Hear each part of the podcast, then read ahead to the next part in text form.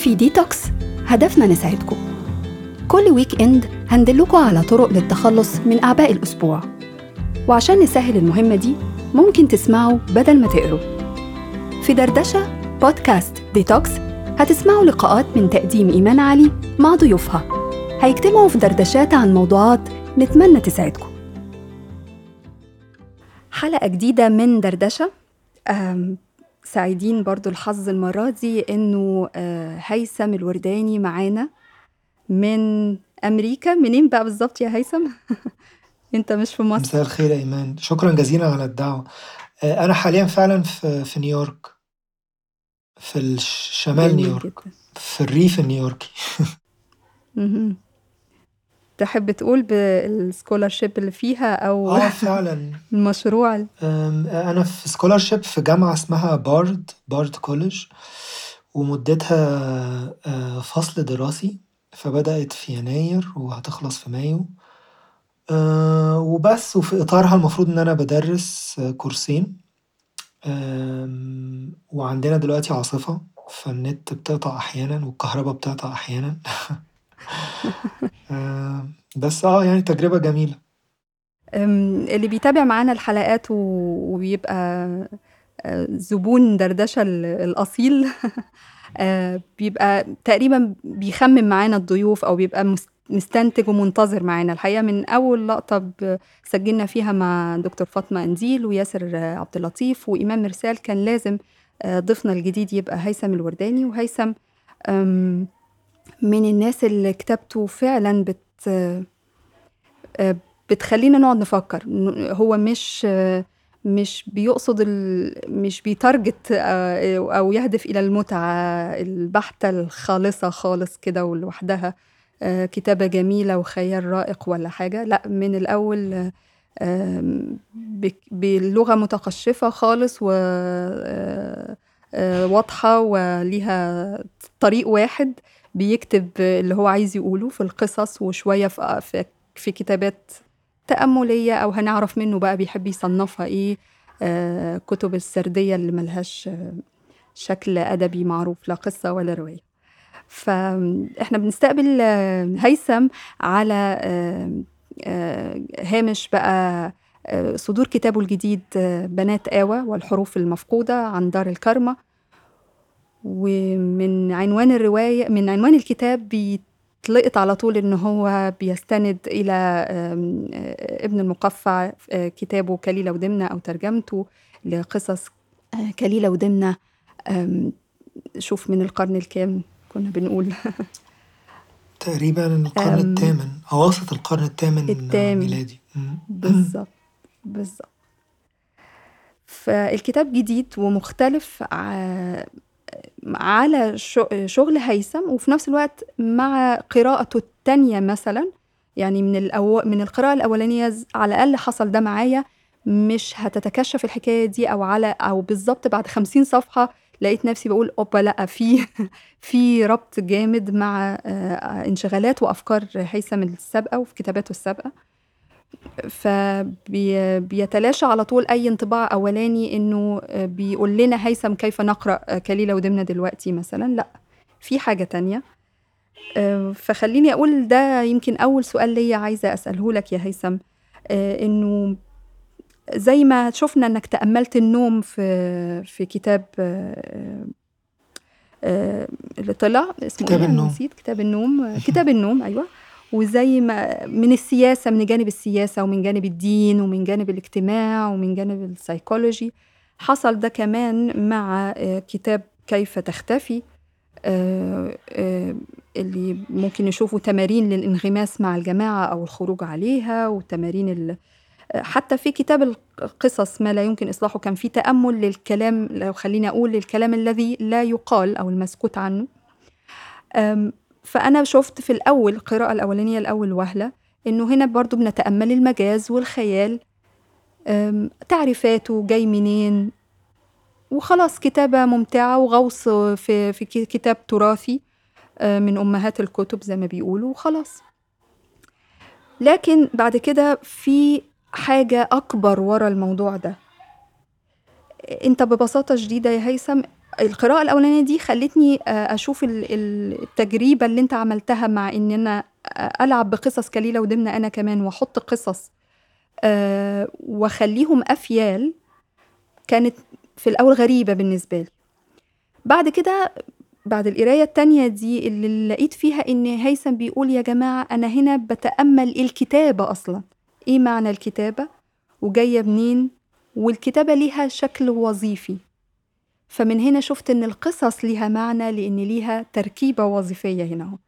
الرؤية بتاعتي التانية دي إلى أي مدى أنا مُحِقّة فيها، إلى أي مدى أنت كانت متكشّفة لك من البداية إمم. والّا جات منين؟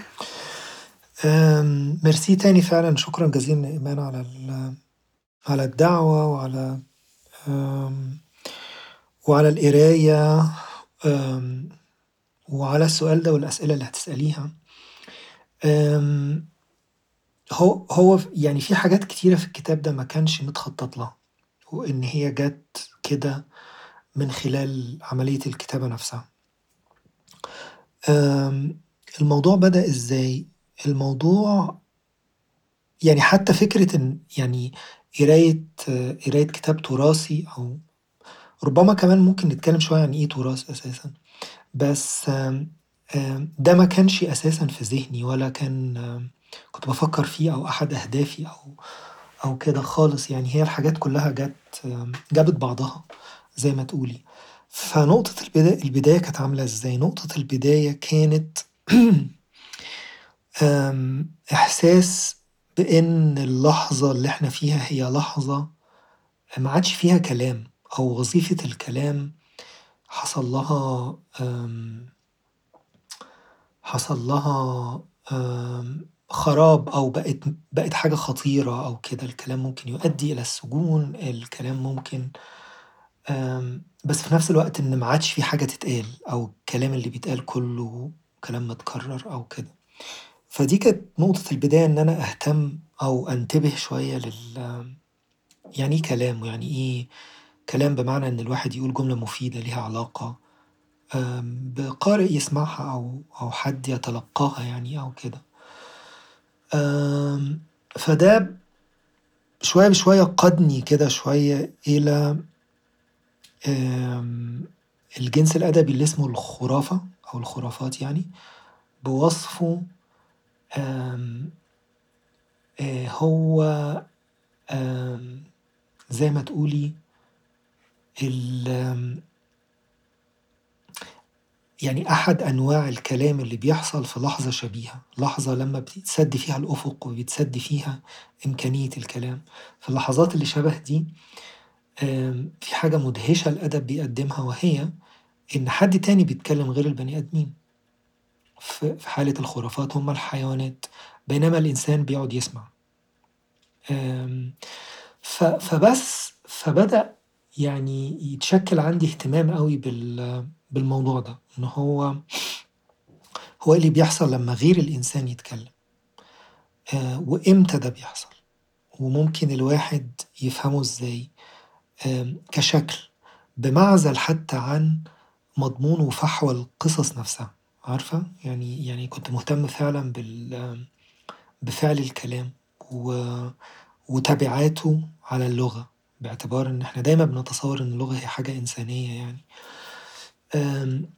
فبس ف فطبعًا ما كانتش مفاجأة إن أنا أهتم بكليلة ودمنة وأرجع تاني أقراها، لإن دي كانت بالنسبة لي يعني هي اللحظة التأسيسية بتاعة الخرافة في الأدب العربي، إن هي دايمًا بتنطلق من الكتاب. طبعًا هي دي مش أول مرّة في الأدب العربي يكون فيها يكون في قصص حيوانات أو حيوانات بتتكلم أو كده، بس هي كانت المرّة الأولى إن يكون في كتاب كامل ده بس اللي بيحصل فيه يعني. فبس فبدأت أشتغل وأنا فعلًا يعني ما فيش حاجة في بالي مخططها خالص غير الانشغال الأولاني ده، وإن أنا عايز أفهم انطلاقًا من انسداد أفق أنا حاسّه في لحظة حاضرة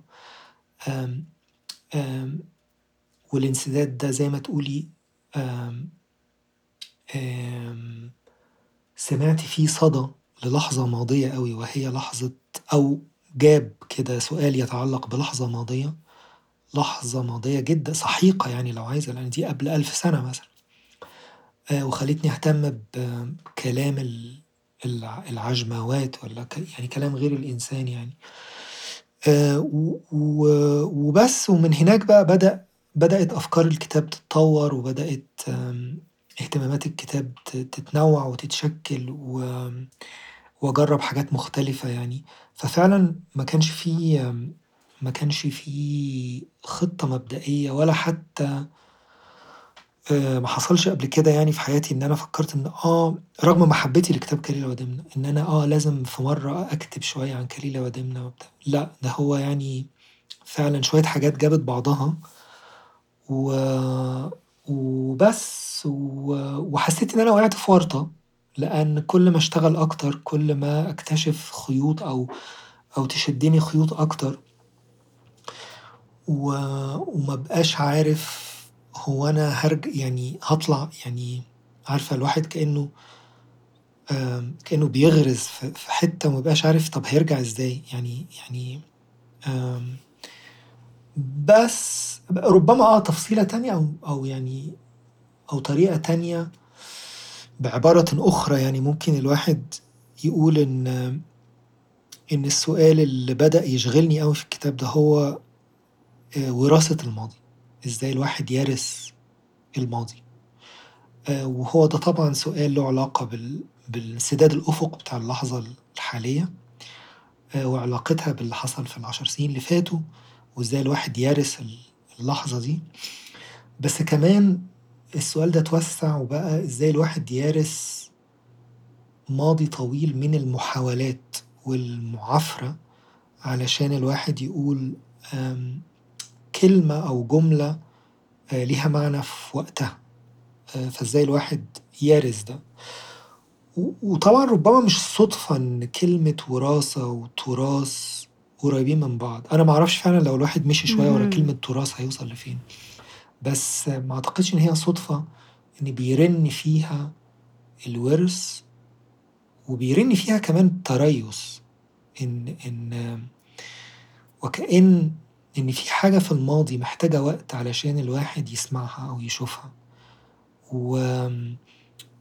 و... ولازم تيجي لحظة معينة لحظة تاريخية معينة منعطف تاريخي أو يعني أيا كان الواحد هيسميه إيه يعني وبتاع. وبس في اللحظة دي ممكن ترن حاجة أو ممكن الواحد يكون قادر إن هو يسمع صدى أو يسمع تردد أو يسمع تفصيل أو يسمع حاجة تخص الماضي. وده مش مش ممكن يحصل في كل وقت. إنما في, في, في كل لحظة ماضية مستنية لحظة حاضرة أو مستنية لحظة أزمة حاضرة علشان ترسها خلينا نقول. حلو قوي.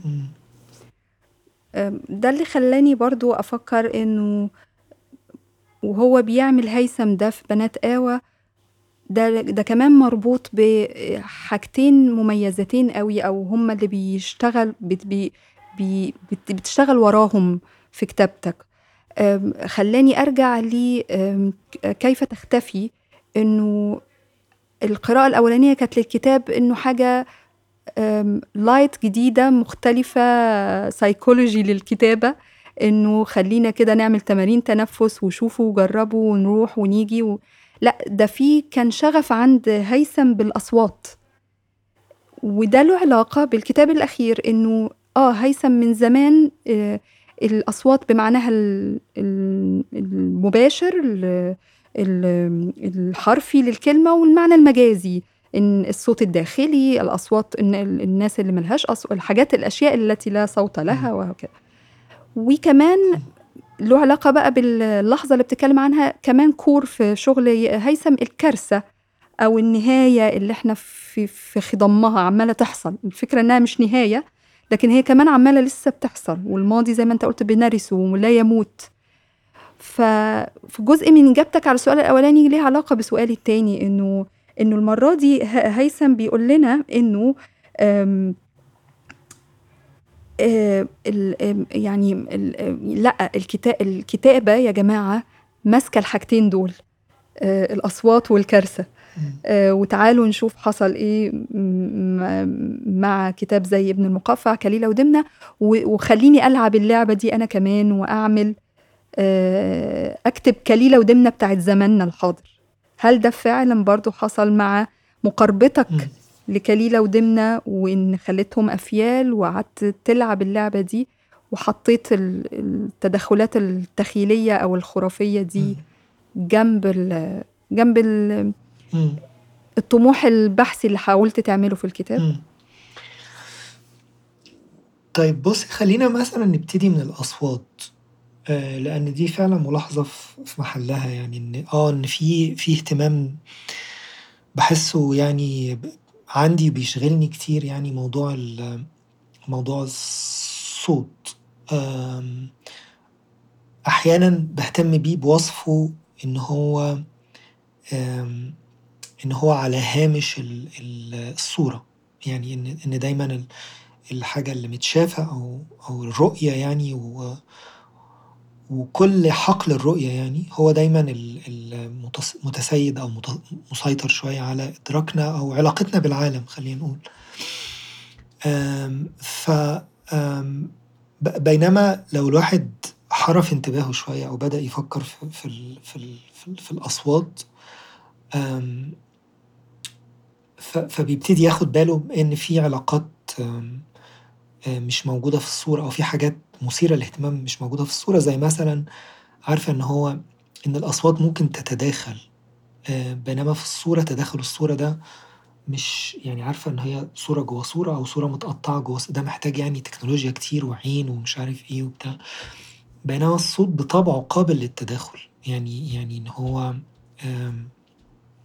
وده ممكن يعني تفصيلة زي دي ممكن تخلّينا نبتدي نفكّر في في حاجات كتيرة ليها علاقة ب ما أعرفش يعني يعني إيه ذات مثلًا، هل الذات هي بس اللي بتتشاف والّا اللي بتسمع وطالما هي بتسمع حاجة متداخلة فهل هي حاجة نقية والّا هي كمان متداخلة والّا إيه؟ إلى يعني شوية أسئلة كتيرة ممكن تطلع من من موضوع موضوع الصوت ده. في في حاجة بت بت بتبهرني جدًا في كلمة صوت، وهي إن على عكس لغات تانية بتفرّق ما بين الصوت المسموع والصوت البشري، يعني مثلًا بالإنجليزي sound voice. العربي بي بيستخدم للحاجتين دول كلمة واحدة وهي الصوت، عارفة؟ وما بيفرّقش أوي ما بين ال ال ال الvoice أو الصوت البشري اللي بيقول عادةً كلام يعني، والsound اللي هو اللي ممكن يكون صوت خارج خارج منطقة ال المنطق اللغوي يعني اللي هو بيقول كلام مفيد يعني وبتاع. فكأن في العربي صوت هي الحاجتين، هي الكلام ال العق ال المُعقّلن من خلال النحو اللغوي ومن خلال جهاز اللغة يعني وبتاع، بس هي كمان الصوت اللي ممكن يصدر أو ينبُع بشكل عفوي أو أو خبطة، ممكن يكون كمان صوت عصافير، ممكن يكون أي حاجة، يعني هو كمان بنستخدم نفس الكلمة يعني. أعرفش دي تفصيلة جات على بالي يعني كده أ بس بس آه ف في الكتاب بتاع بنات آوى طبعًا موضوع الصوت ده بيلعب بيلعب دور، وكأن العلاقة مع ال العلاقة الزمنية مع الماضي أو الزمن خلّينا نقول هو ممكن يكون حاجة بتتسمع أكتر من إن هي تكون حاجة بتتشاف. و وده بي بيستدعي إن إن الواحد يسأل نفسه آه طب إحنا ممكن نصغي إزاي؟ نصغي إزاي علشان ودننا تلقط حاجة حصلت من ألف سنة، اللي هو يعني فالواحد محتاج محتاج يطوّر أعضاء جديدة علشان تقدر تل تلقط الحساسية الحساسية دي يعني أو كده. ف فآه فمن هنا ربما الاهتمام ب بالص بالأصوات صوت ابن المقفّع أو أو الاهتمام بحروف العِلّة باعتبار إن هي نوع من أنواع الص الصراخ برضه لو الواحد عايز يقول. بالنسبة ل يعني إن الواحد يكتب كليلة ودمنة من منظور ال اليوم، ما أظنش إن ده كان في بالي أوي عارفة، يعني أنا ولا حتى كتابة الخرافة نفسها، يعني أقصد أقول إن إن أنا ما كنتش مهتم خالص إن أنا مثلًا أقلد كتابة كليلة ودمنة أو بحيث إن أنا يعني كنوع من أنواع الانهماك في في أو الانشغال بالكتاب هو إن أنا كمان أكتب زي كليلة ودمنة، بالعكس خالص كنت حاسس إن ده مش حابب أعمله يعني. لكن كنت حابب آمم إن أنا أجرب أفكر في كل الأسئلة دي بتاعة كلام غير العاقل وعلاقته بكلام العاقل وإمتى ده بيحصل وتداعياته عاملة إزاي ويعني إيه صوت جوه صوت، لأن من ضمن الحاجات اللي كانت مبهرة جدًا بالنسبة لي هي إن في كليلة ودمنة آآ وده زي التقاليد ال ال الشرقية في الحكي زي ألف ليلة واللي هي مختلفة خالص مثلًا عن الخرافات بتاعة أيسوب اللي هي التقليد اليوناني يعني، فيها بنية بنية سردية معينة مميزة وهي زي ما تقولي قصة جوه قصة جوه قصة أو كده، أو في حالة كليلة ودمنة كمان بس مش بس كليلة ودمنة ده بيحصل كتير في الأدب العربي في الف في القرنين 3 الأولانيين إن في اقتباسات كتير، إن أي حد بيتكلم بي بيقتبس من حد تاني بيقول آه وكما قال الشاعر مثلًا أو وقالت الحكماء والّا قال العلماء مش عارف إيه، أو يحكي حكاية ليها علاقة إن آه ده بيفكرني بالقصة أنت كده عامل زي فلان في القصة الفلانية فإيه حكايته فيبتدي يحكي حكاية تانية. ف فال ال البنية ال السردية أو النصية دي اللي هي فيها صوت جوه صوت جوه صوت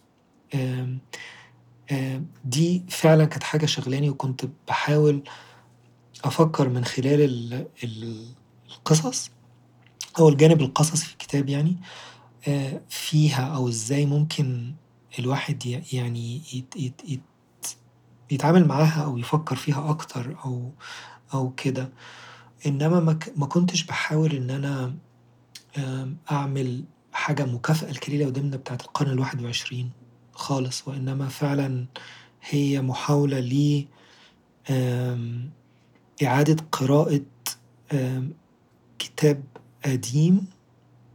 لأ مش بالضبط كده، مش بس إعادة قراءة هي محاولة ل ل زي ما تقولي لتز يعني عايز أقول إيه، إن إن في حاجة تخص الحاضر آآ موجودة في كتاب عمره أكتر من 1000 سنة، وإن كل اللي باحاول أعمله هو إن أنا أحط إيدي على ده، يعني في حاجة تخص الحاضر في موضوع إن الحيوانات تتكلم بس في في اللحظة بتاعة ما بين الدولة الأموية والدولة العباسية، لحظة ابن المقفع، وإن ال ال الحاجة دي ممكن تكون مفيدة للحاضر في في الطريق المسدود اللي هو فيه، يعني ممكن تساعده إن هو يعمل يعمل حاجة في الطريق المسدود ال أو زي ما أنا شايف يعني أو زي ما زي ما زي ما حكيت لِك في الأول في إحساس بانسداد أفق يعني، فإن كل اللي الكتاب كان بيحاول يعمله هو إنه يفُض مغاليق ال ال الحاجة دي اللي تخص الحاضر آمم وجاية من. الماضي. جميل جدًا.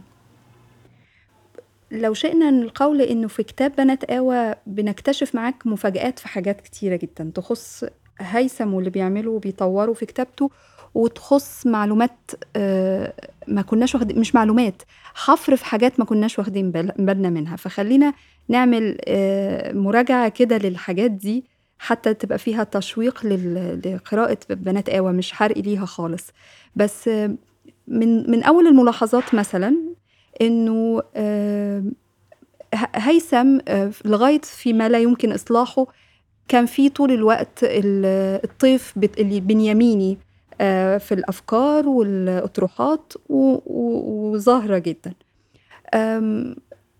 هنا بيزيح بنيامين شوية، لكن مش يعني ه هامشي على نفس ال الأفكار اللي أنا أو ال ال ال رؤوس الموضوعات أو رؤوس الحاجة اللي من خل... بفكر من خلالها في الكتابة والأدب. لكن لأول مرة أنا هنا هروح لإحالات من الكلمة اللي إحنا هنحطها من تنصيص من هنا ورايح التراث بتاعنا. ما كانش مف... يعني على قد ما كان مفاجأة لشغل هيثم على قد ما كان طبيعي إن مع كتاب بنات قوى نلاقي أول إحالة على طول من أول كام صفحة لل... لطه حسين. بعد كام صفحة نلاقي الجاحظ طبعا والحيوان بعد كام صفحة نلاقيه كمان جايب كتابات معاصرة وجايب رنا العيسى من مقالة وبعدين بتعرج لك... لكتاب من كتاباتها أو رواية من رواياتها. ف كنا كنت عايزة أعرف أنت برضو ده شيء كان منور وظاهر لك ولا ده طبيعي برضو جه مع الوقت إنه أنا لا أنا بنيامين موجود وموجود في الهوامش؟ بس هيجي في اللحظة المناسبة بتاعته هنعرفها من في الدردشة لما نتقدم في الأسئلة لكن من الأول أنا واعي إن إحنا هجيب التراث ده هجيب الكتاب اللي من القرن الثامن الهجري لكن آآ آآ ه هحيل من قلب كمان كتاباتنا إحنا. لو عايزة أسبق وأقول كمان الملاحظتين التانيين وأنت تجاوب على السؤال ده أو الطرح ده مرة واحدة. من المفاجآت كمان إنه هيثم هو بيعيش معانا الرحلة دي أو بنعيش معاه الرحلة دي بن أول مرة أول مرة تقريبا بنطرح سؤال إيه أول ما هو أول كاتب عربي؟ السرديات الأدبية والخناقات حتى فضلت قرون كتيرة قوي مشغولة بأول رواية عربية. وبس يمنشنوا أول رواية. دي اتكتبت في الفترة كذا ودي أول كذا. حتى من غير ما يغوصوا إنه طب معناها إيه وجات إزاي. هيثم هنا بيمسك لنا ابن المقفع الكاتب العربي اللي أول مرة يخ... يطلع يلاقي يلاقي حاجة من ورا الكتابة. هو طلعت الكتابة دي من لحظة تأزم حصلاله لحظة أفول دولة وظهور دولة ودولة بت بتنفي حاجة وبتعملها. زي ما انت حاولت تشرح. فدي برضو كانت علامة جميلة في الكتاب. المفاجأة الأخيرة واللي كانت مفاجأة حقيقي وإحنا بندردش قلت لي كمان حصلت لك أنت شخصيا إني بقى في إحالة لابن تنمية إنه يا جماعة وده برضو في أواخر كده الكتاب إني لا هو مش من المراجع الأصولية دلوقتي ومش من الحاجات اللي خدناها عن ابن تيمية اللي, اللي المرجع الأساسي تقريبا للجماعات الأصولية. لا ده في جانب تجديدي عند ابن تنمية في اللغة وبتشرحه أنت برضو من خلال فكرة الأصوات صوت لمن لا صوت له. الحاجات دي يا هيثم برضو من أول لحظة يعني أنت بتقول أهو أنا اتكشفت لي مثلا موضوع ابن تيمية. الحاجات دي توريطة وأنت قعدت تفتح وراها وتفتح وراها. إزاي حصل ده بالظبط؟ وإزاي استقبلت الاكتشافات دي؟ كانت بتعمل إيه في مشروعك؟ توقف تخليك تعيد تاني قراية كتاب ابن كليل أبو يعني. يا طيب نبتدي منين؟ ممكن مثلا سؤال طويل كالعادة. ممكن نبتدي من الآخر من ابن تيمية لأن آه ده فعلا كان مفاجأة وأنا أنا ما كنتش أعرف آراء ابن تيمية اللي تخص اللغة. الواحد كان يعرفه دايما كإمام إمام أصولي كرجل دين أصولي. وأعتقد إن هو يعني لازم الواحد برضو يقول إن هو وما زال هو رجل يعني آراءه الدينية هي آراء أصولية. لكن بدأت أنتبه للآراء اللغوية. بتتعلق باللغة. تحديدا يعني الجملة بتاعته بتاعت إن إن مفيش مجاز مفيش حاجة اسمها مجاز في في اللغة. ونفي المجاز ده اللي هو بيبدو إن هو مناسب لأصوليته مثلا أو كده.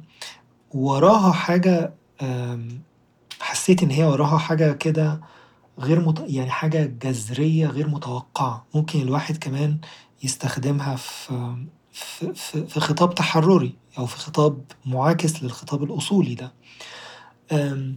هو فكرته إن مفيش مجاز في اللغة لأن أي استخدام لأي كلمة هو حقيقة.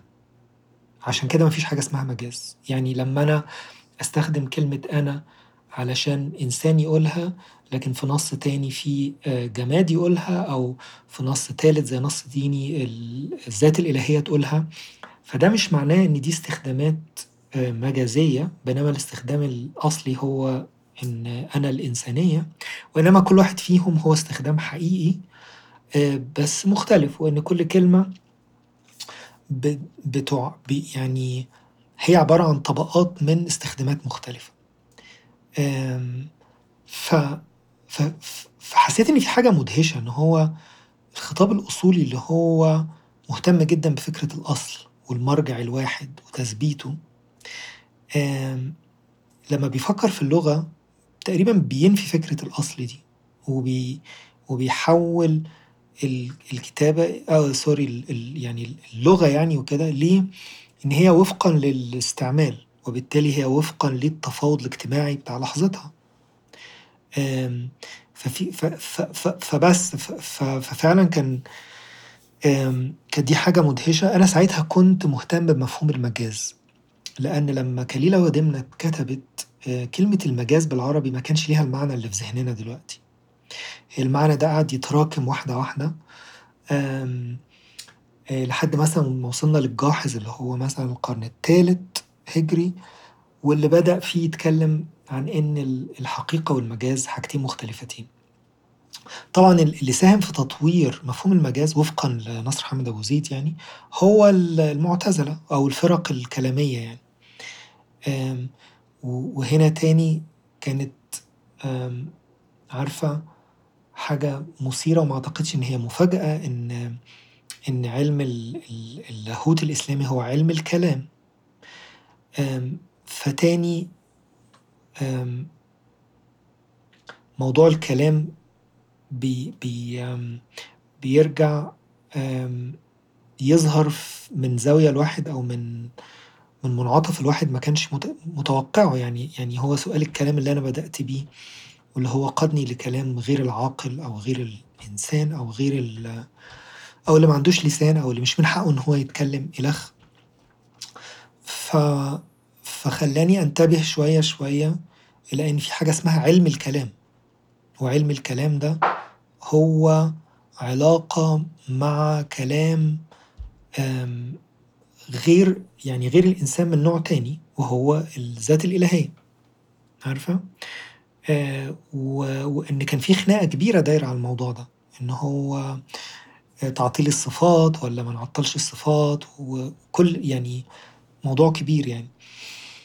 آه بس ف فلما وصلت للمنطقة دي واللي أنا حسيت فعلا إن هو آه يعني دي حاجة مثيرة إن الواحد يتكلم عنها بس ما بقتش عارف طب إزاي يعني أو يعني تتكتب إزاي أو أو كده يعني. فالمهم ف يعني وقفت شوية يعني شوية كتيرة يعني عند النقطة دي وحاولت يعني بأشكال مختلفة ولحد ما طلع اللي هو الفصل ده اللي اسمه علم الكلام في الكتاب. ف فده ابن تيمية. وطبعا الهدف مش إن هو إن الواحد عارفة يرجع تاني خناقة قديمة قوي حوالين الحقيقة والمجاز وبتاع وكده وإنما إن الواحد يحاول يفهم أكتر العلاقة العضوية دي ما بين الحاجتين اللي بيبدو إن هما متناقضين أو بره بعض أو كده إن هو الحقيقة حقيقة والمجاز مجاز وما ينفعش يكون. فكأن الفصل ده والاهتمام والانشغال بال, بال بالخرافات والاهتمام الأعمق بقى اللي وراه اللي هو الاهتمام بالأدب يعني. كل ده له علاقة بمحاولة بمحاولة تحويل العلاقة ما بين متناقضات لعلاقة جدلية. عارفة؟ علاقة جدلية بمعنى إن بدل ما هما حاجتين عكس بعض إن الواحد يشوف لأ إزاي هما مرتبطين أو مشروطين ببعض أو كده يعني. فبس فده ده ده اللي حاولته مع مع ابن تيمية. بالنسبة ل لبنيامين فآه ده صحيح آه يعني إن أنا عندي كده اهتمام كبير بكتاباته يعني وكده. أعتقد هنا ممكن معرفش ممكن الواحد يوصف ده إزاي. ممكن مثلا يوصفه إن هو إن إن اهتمامي بكتاباته وبتاع تحول لمنطقة تانية أو إن هو بقى بقى أنا مش محتاج إن أنا أرف يعني أحيل إليه كتير لأنه تقريبا جزء من الممارسات الفكرية أو اللغوية اللي أنا بحاول أجرب أعملها يعني وبتاع هي على في حوار مع مع مع بنيامين حتى من غير ذكر اسمه أو كده يعني. ف فده كان ده ربما معرفش يعني وظهور مرجعيات تانية عارفة؟ طبعا ده كان بسبب موضوع البحث نفسه. يعني موضوع البحث نفسه بيجبر الواحد إن هو يخش مناطق ويقرأ حاجات يعني زي ما زي ابن تيمية مثلا يعني أنا عمري ما في حياتي ما كنت إمم. أتخيل إن أنا هقعد أقرأ شوية في ابن تيمية و وأكون يعني. منبهر و هل كان في طموح لا واعي إن أقرأ الأدب بتاعنا من جواه بقى المرة دي؟ بُصّي، يعني أصل هي كلمة تراث دي اهم. كلمة عارفة مشكلتها إن هي بتدّي الانطباع إن التراث ده خلص، يعني إن إن ال ال إمم. ال نصوص ال الكتب الكلاسيكية دي ال اللي بتُسمى أمهات الكتب. الكتب بتُسمى تراث وكأننا بنسمع في الكلمة دي معنى إن هي بنت ماضي سحيق وبنت حاجة قديمة و وخلصت. وكأن مح محاولتي للتعامل مع فرع واحد بس أو يعني خيط واحد بس من ما يُسمى بالتراث ده هو نابع من إن إحساس إن ومحاولة برهنة على إن على إن التراث ده ما خلصش، على إنه ما زال في حاجة تخُص الواقع، تخُص الحاضر يعني. ف فعشان كده أنا شخصيًا يعني ما ما ما باحسش خالص وعمري ما اتعاملت مع ال الحاجات التراثية بوصفها منبتة الصلة عن اللي إحنا بنعمله دلوقتي أو ال بالعكس يعني أنا كتير ما بيستهويني مثلًا إن الواحد ي ي يعني بيستهويني الواحد يخش في مزاج لغوي يعني شوية جُمل أو مرادفات ممكن تبقى قديمة أوي، عارفة؟ قديمة على الودن المعاصرة يعني وبتاع بس بس باحسها ب ب مش عارف يعني ب ب بارتاح لها أو أو أو باحبها أو كده. ف فإعادة قراية أو اكتشاف أو مش عارف فعلًا هي الكلمات دي كلها مش دقيقة أعتقد، إن هو إن إن الواحد يحاول خلّينا نقول يفهم السياق اللي ظهر فيه الكتاب ده، وبالتالي علشان يفهم السياق اللي ظهر فيه الكتاب ده لازم محتاج إن هو يقرأ شوية حاجات جنبه تاريخية مش عارف إيه بتاع. ويقرأ هي الناس كانت بتفكر في الحاجات دي إزاي ساعة ما ما ما ما ما ظهر ال الكتاب ده. طبعًا إحنا عارفين إن هو إن ابن المقفّع عاش ما بين أواخر الدولة الأموية وأوائل الدولة العباسية، وهو جاي من أسرة آآ فارسية آآ ودخلوا الإسلام واتعلم العربي وعشان كده معرفته باللغة الفارسية معرفة كبيرة يعني هو ترجم الكتاب ده عن الفارسي. وكان بيشتغل في ديوان ابن عم الخليفة و إمم مات أو قُتل لأن هو رُمي بالزندقة، اتُهم بالزندقة. كل الحاجات دي عارفة أنا حاول يعني حاولت أتعامل معاها أو أفهمها و وممكن أكون غلطان طبعًا، يعني عارفة إن هو يعني دي دي قراية يعني ممكنة أو دي الطرح بتاع الكتاب هو إن إن في قراية ممكن الواحد ممكن الواحد يقرأ الماضي بالشكل ده يعني. إن إن إن في علاقة ما بين ال الظرف السياسي والاجتماعي بتاع اللحظة دي واللي هو فيه آآ تمييز آآ يعني العربي والأعجمي والأعجمي ما بيعرفش عربي كويس مش عارف إيه الحاجات دي. في علاقة ما بين اللحظة دي وما بين إن العجموات اللي هي كلمة تانية في العربي للحيوانات يعني طبعًا عجموات عشان المفروض الحيوانات ما بت أعجمية ما بتتكلمش يعني. فإن إن إن الحيوانات أو العجموات تتكلم في اللحظة دي عربي وعربي فصيح، عربي ابن المقفّع يعني. يعني زي ما تقولي الargument أو الحجة اللي باحاول أطوّرها يعني هي إن ده مش صُدفة، وإن ده مش معناه إن هو عبد الله المقفّع آه كان قاصد أوي أو بتاع، بس هو الموضوع ما لوش علاقة بالكاتب قاصد آمم حتى لو الكاتب مش احتياج طبيعي. آه، إن حتى لو الكاتب مش قاصد ده، إنما هي القراءة ممكن تطلّع منه حاجة علشان كده النص أو الكتاب أو كده دايمًا أذكى من كاتبه، يعني عارفة إن بصرف النظر أنا هاحط إيه في الكتاب ده، في النهاية الكتاب ده هيبقى فيه حاجات أكتر، وحاجات أنا ممكن يعني تبقى مفاجأة بالنسبة لي أو ما كنتش ما أكونش واخد بالي منها يعني أو كده.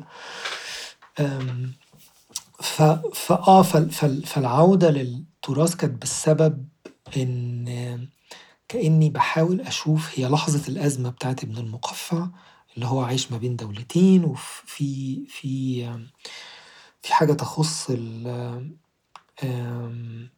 تراتبية، تراتبية اجتماعية بتحصل. وفي اللحظة دي تحديدًا الحيوان يتكلم، علاقة كل ده باللحظة الحالية عارفة؟ فعمري ما كنت بافكّر في التراث بمعزل عن السؤال ده، يعني عمري ما جر يعني حاولت أجرّد التراث بوصفه حقل لوحده آآ ممكن بقى نفحصه أو نشرّحه أو بتاع خالص، يعني هو فعلًا ده كان السؤال المسيطر عليَّ، هو اللحظتين دول يعني لمّا الواحد يحطّهم جنب بعض. أو ي يخلّيهم يرنّوا اهم. فممكن الواحد يسمع إيه يعني. حتى مش مصادفة برضه لمّا طه حسين في لحظة برضه تصدُّع أو أزمة ما في الحرب العالمية التانية، يجيب برضه يستدعي الكتاب ويجيب سيرته ويتكلم عنه، برضه دي.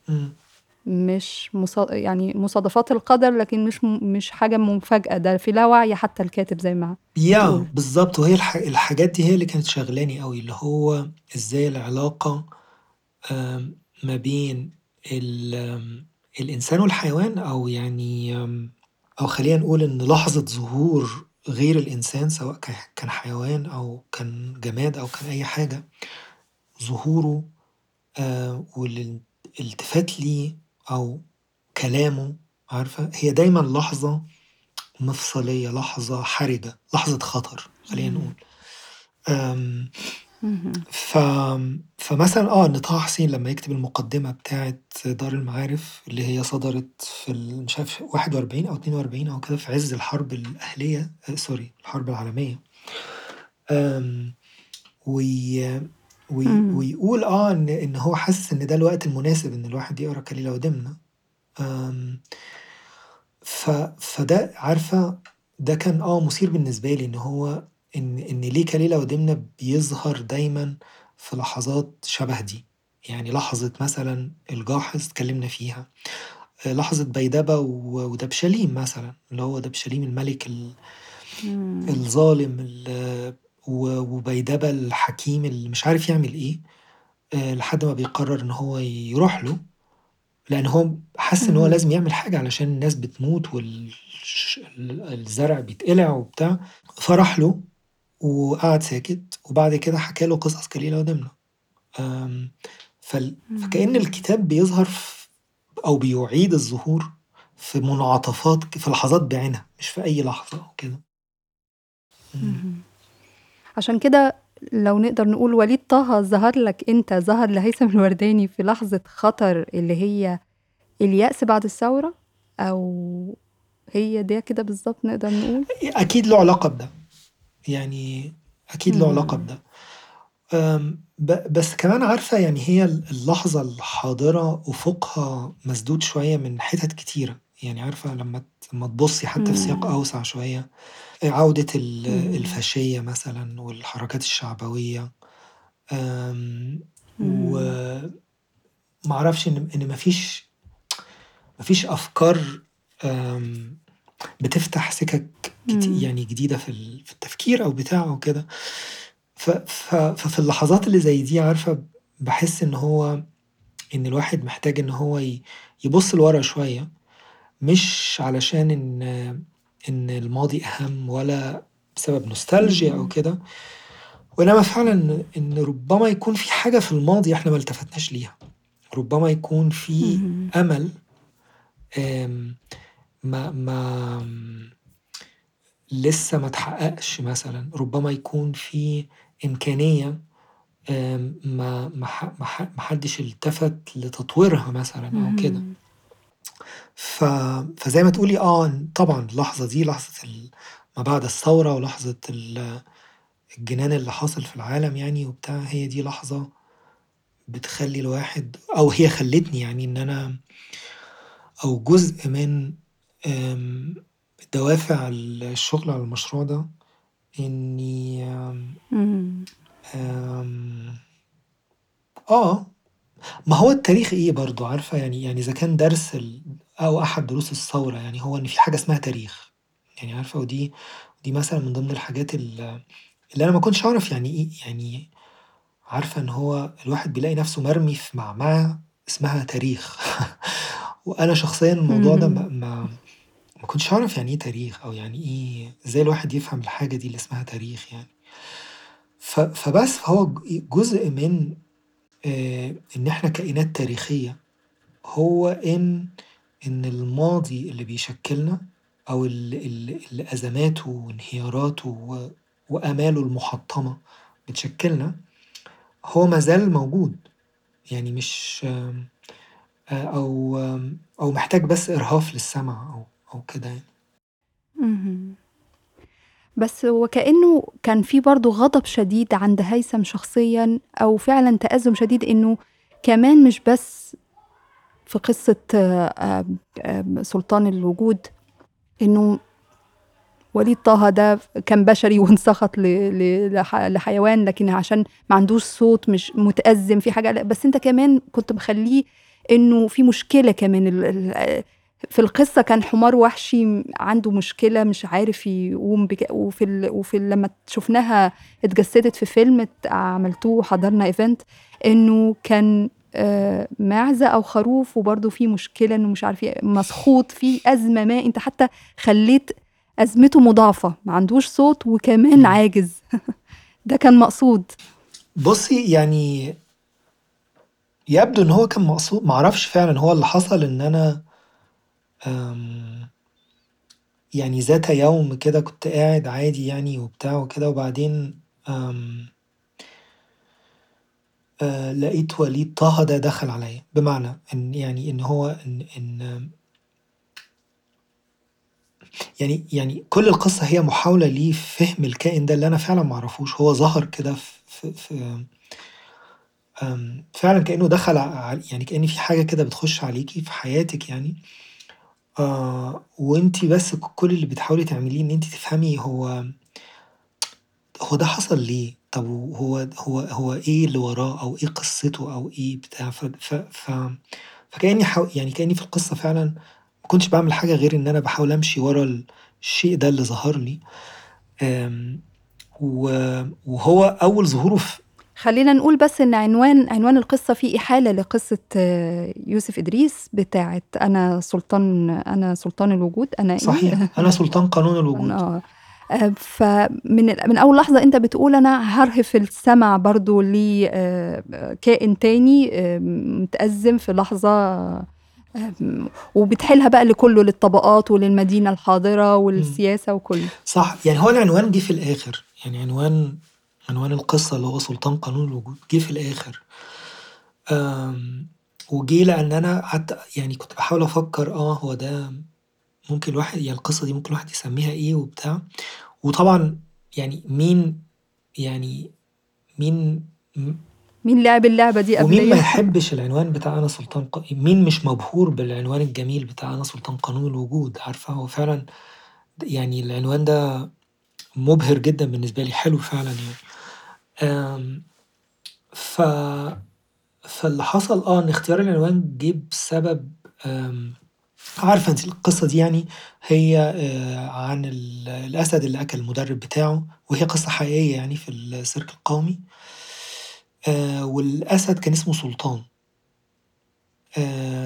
عشان كده العنوان أنا سلطان قانون الوجود،. وهو فبيدافع عن نفسه وبيحاول يقول أنا إيه اللي حصل؟ إيه اللي عملته؟ إيه هو اللي كأن حصل؟ يوسف إدريس بي في القصة دي بيرصد يعني لحظة ما بعد بقى مثلا 67 وإن في آم، حاجة هو بيلاحظها وهي إن الناس بقت كده يعني زي ما تقولي إيه بتمارس حياتها من غير نفس أو إن كل واحد موظف كده إيه آه، روتي بي- بيمارس الحاجة الحياة بروتينية يعني وبتاع ومفيش إدراك بموقع الواحد في في الحياة أو في المجتمع أو كده. فعشان كده إن سلطان الأسد هو بيتعامل إن في قانون وجود واحد وهو قانون الهيراركية إن إن كل واحد له موقعه يعني أو كده. آه، ولاحظ إن المدرب بتاعه ما بقاش فاهم القانون ده أو ما بقاش فاهم موقعه أو ما بقاش قوي بما فيه الكفاية علشان هو يخاف منه أو بتاعه فعشان كده أكله. فكان يوسف إدريس يعني بي في نقده لحالة المجتمع وتشريحه يعني لحالة المجتمع بيقول آه ان إن لو ما انتبهناش أو كده هنضيع الض- الضباع هتاكلنا أو الح... يعني كده يعني. فبس فلما لما اشتغلت على القصة دي ووقفت عند العنوان وبتاع حسيت إن آه وبرضه معرفش ليه بقى يعني في قرارات فعلا الواحد بياخدها ومفيش مبررات منطقية أوي بس أنا حسيت إن إن إن العنوان المناسب هو اقتباس بس اقتباس مع مع تغيير التغيير البسيط هو إن أنا شلت أنا يعني. شلت كلمة أنا فبقى بس سلطان قانون الوجود آم، علشان أحاول يعني أشير إلى قانون تاني وهو قانون محاولة التغيير وفشل التغيير أو كده عارفة يعني هو ال- البطل ده أو وليد طه ده حد يعني يحاول يهرب من مش ي... ما نعرفش طبعا يعني هو يعني هو راجل في, في. عصابة ومخدرات وبتاع وكده. وبعدين بيحصل له التحول ده وبيبقى لما بيحطوه على ال... على السطوح بيبقى عايز يطير عايز ينط يطير يهرب يمشي مش عارف إيه بتاع بس طبعا الموضوع مش سهل وإن في يعني في حضرة الضابط طبعا اللي هو مم.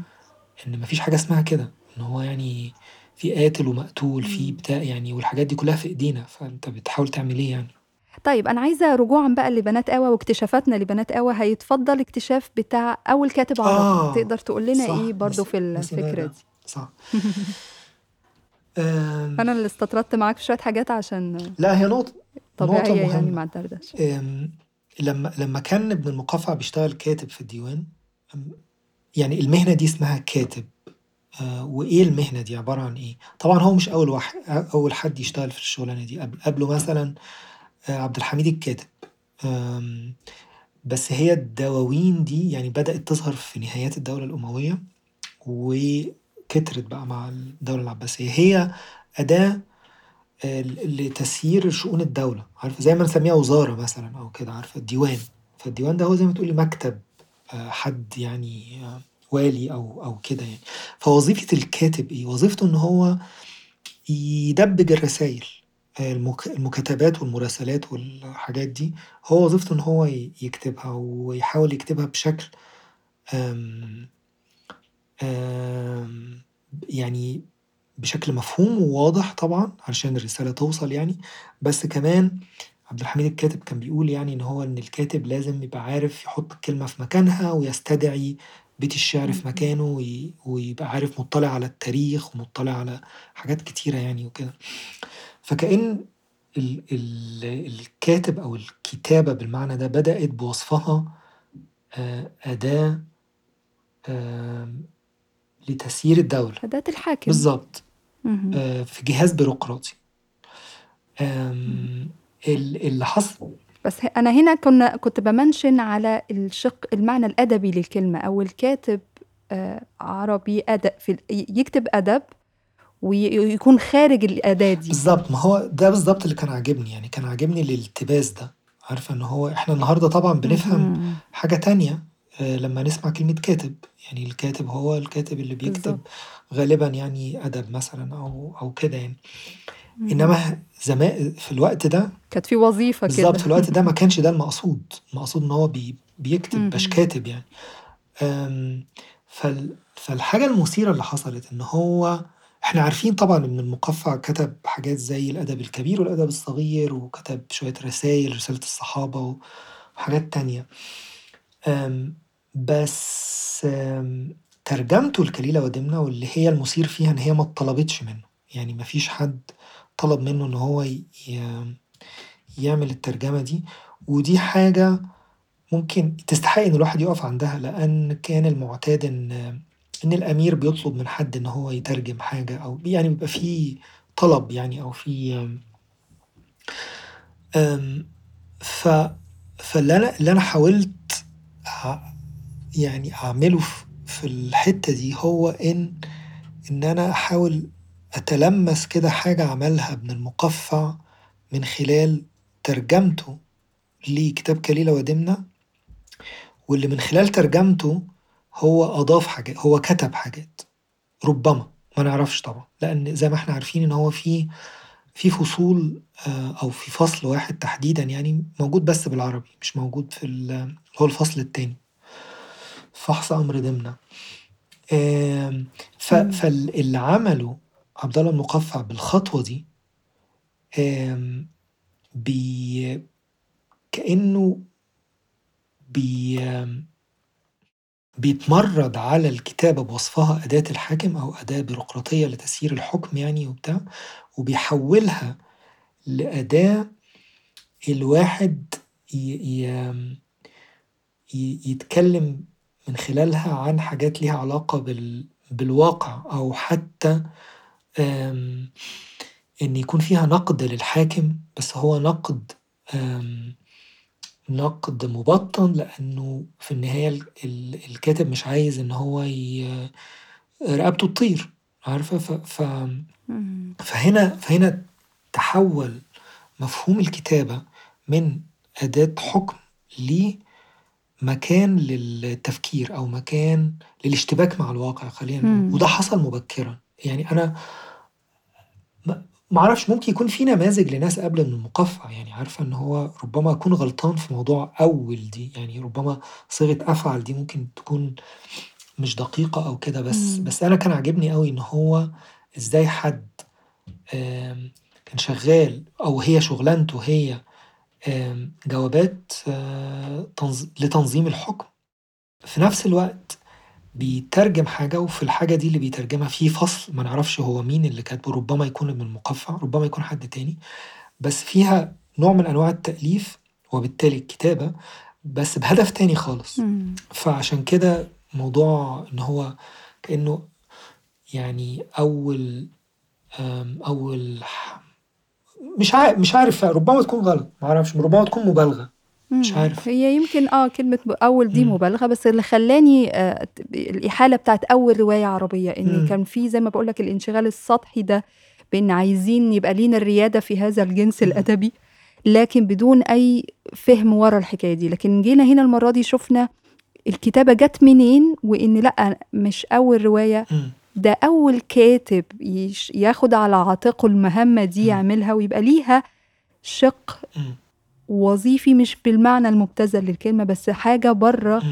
آآ، شُغلانته اللي كان محكوم بيها و على ذكر موضوع أول رواية عربية وأول بتاع، إن هو طبعًا أنتِ عندِك حق إن هو في آمم، تخُص سؤال الحداثة، عارفة؟ لأن إحنا آمم، ال ال الأدب العربي بمعناه الحديث هو هو هو حاجة بنت الحداثة، بنت فكرة الحداثة. الرواية هي ليها علاقة بال التطوّر اللي حصل في الرواية الروسية والفرنسية و إلى آخره يعني وكده.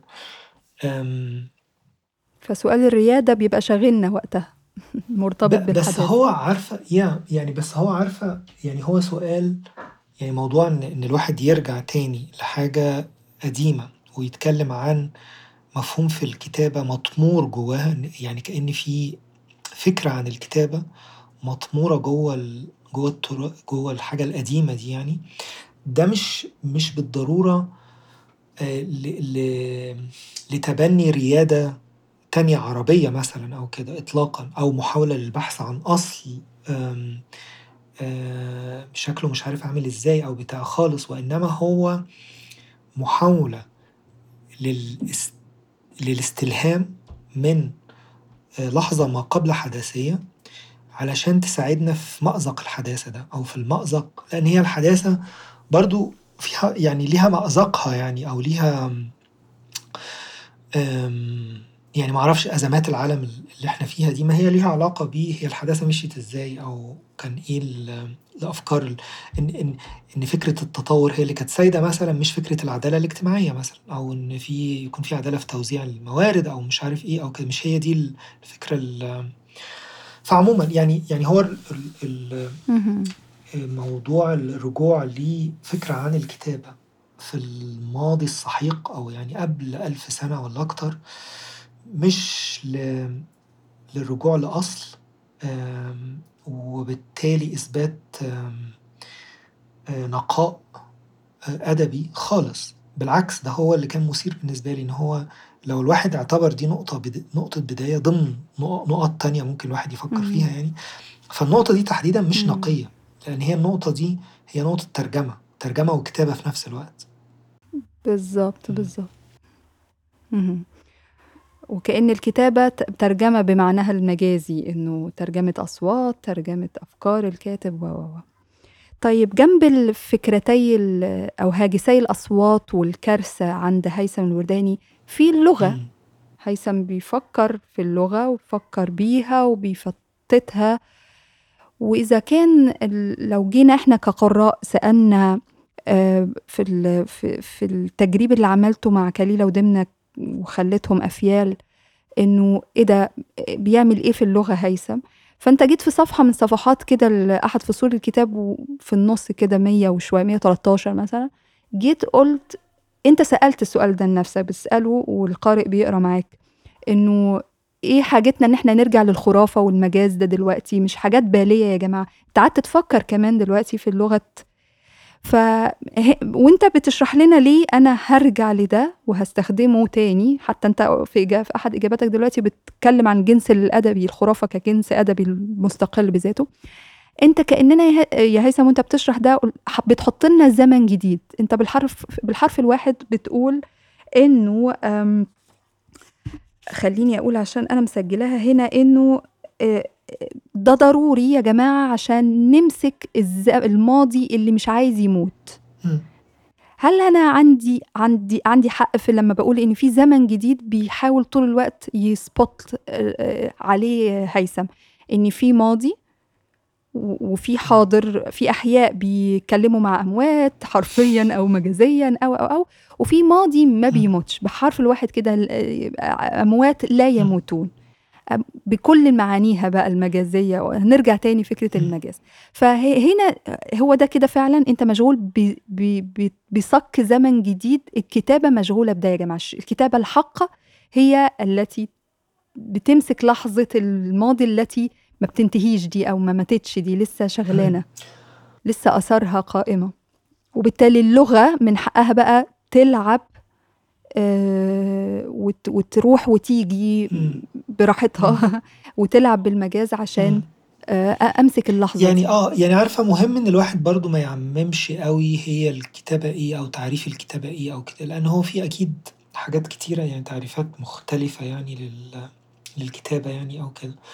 بس أظن بالنسبة لي موضوع سؤال الزمن ده هو يعني عارفة إن إن أنا مش مش معني أوي بال بالماضي بوصفه ماضي ولا بالحاضر بوصفه حاضر، وإنما معني أو مهتم أو بتجذبني أو بتشغلني أحيانًا أحيانًا كتيرة اللحظات اللي الاتنين بي بيلمسوا بعض أو بيحتكوا ببعض أو فال ال اللحظات الوسطية دي نقط الالتما نقط التماس.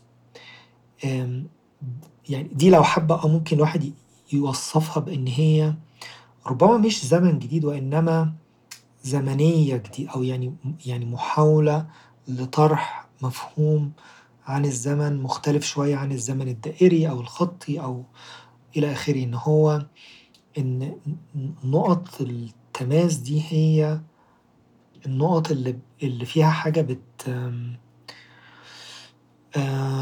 بتلمس حاجة، بتوقّف حاجة، بت آمم بتُعيد تفكير أو تعريف حاجة، بتعطّل حاجة، بت ف آه فهي في النقط دي تحديدًا كمان في الكتاب ده، يعني هي دي ال اللي كانت اللي كانت شاغلاني أوي. وطبعًا اللغة هي آآ مش بس طبعًا يعني في سبب مباشر لموضوع اللغة هنا، وهو إن في كائنات تانية بتستخدم اللغة. عارفة إن هو في في. إن اللغة ما بقِتش اللي بيفصل ما بين ال الأنواع أو الف الفصائل ال المختلفة، يعني اللي بيفصل مثلًا ما بين الإنسان والحيوان والجماد والنبات والحاجات دي، بل هي الحاجة ال اللي بت بت بتربط دول ببعض أو بت بتوصّلهم ببعض. بتوصّلهم ببعض ليه؟ مش برضه بشكل عام أو بتاع، وإنما لأن في لحظة معيّنة في اللحظة دي كاتب واقف قصاد سؤال هو إن موضوع العربي والعجمي والمش عارف إيه واللحظة التاريخية اللي هو عايش فيها، وحيوان آآ عارفة اللي هو كليلة ودمنة اللي هو بنات يعني هم من فصيلة بنات آوى، واقفين قصاد سؤال. هو إحنا هنعمل إيه مع الأسد ده؟ نقرّب منه والّا نبعد عنه؟ فأخ منهم دمنة يبقى عايز إن هو يقرّب من السلطة علشان يعرض عليها خدمات وعلشان يستفيد منها ويفيد غيره من أبناء إمم. جنسه يعني، بينما كليلة ي يشوف لأ، إن ال القرب من السلطة هو حاجة خطيرة إمم. ومفسدة ومش عارف إيه وبتاع، فالاتنين دول يعني بنات آوى والكاتب البشري يعني وبتاع أو اللي اللي مكّن حد زي ابن المقفّع إن هو يسمع هم بيقولوا إيه ويكتبوا بالعربي أو يعني يترجموا، هو إن هم يعني إن في تشابه في الصراعات اللي هم موجودين فيها.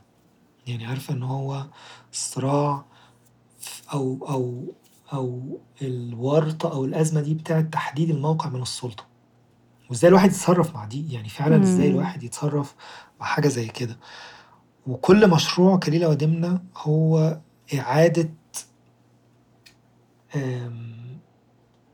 تع ترب الموقف من السلطة. إعادة تربية الملك عارفة يعني إن هو إن الواحد علشان يأمن شره فبي ف ف لأن ما هو ما فيش حل تاني يعني ما مش عارفين نشيله أو بتاع، فلازم نحاول نُعيد تربيته، بمعنى إن إحنا نحاول نفهّمه إن في شوية حاجات مهم إن هو يتعلّمها و و وإن العلام اللي هو اتعلّمه ده ما كانش صح ال يعني الحيوانات كأنها بتُعيد تربية ال وتأديب ال السلطة أو إمم. الملك يعني أو كده. فآه، فاللغة بتظهر هنا آمم كإني كنت مهتم إن إن يحصل إعادة تفكير في في تعريف اللغة بوصفها حاجة بشرية.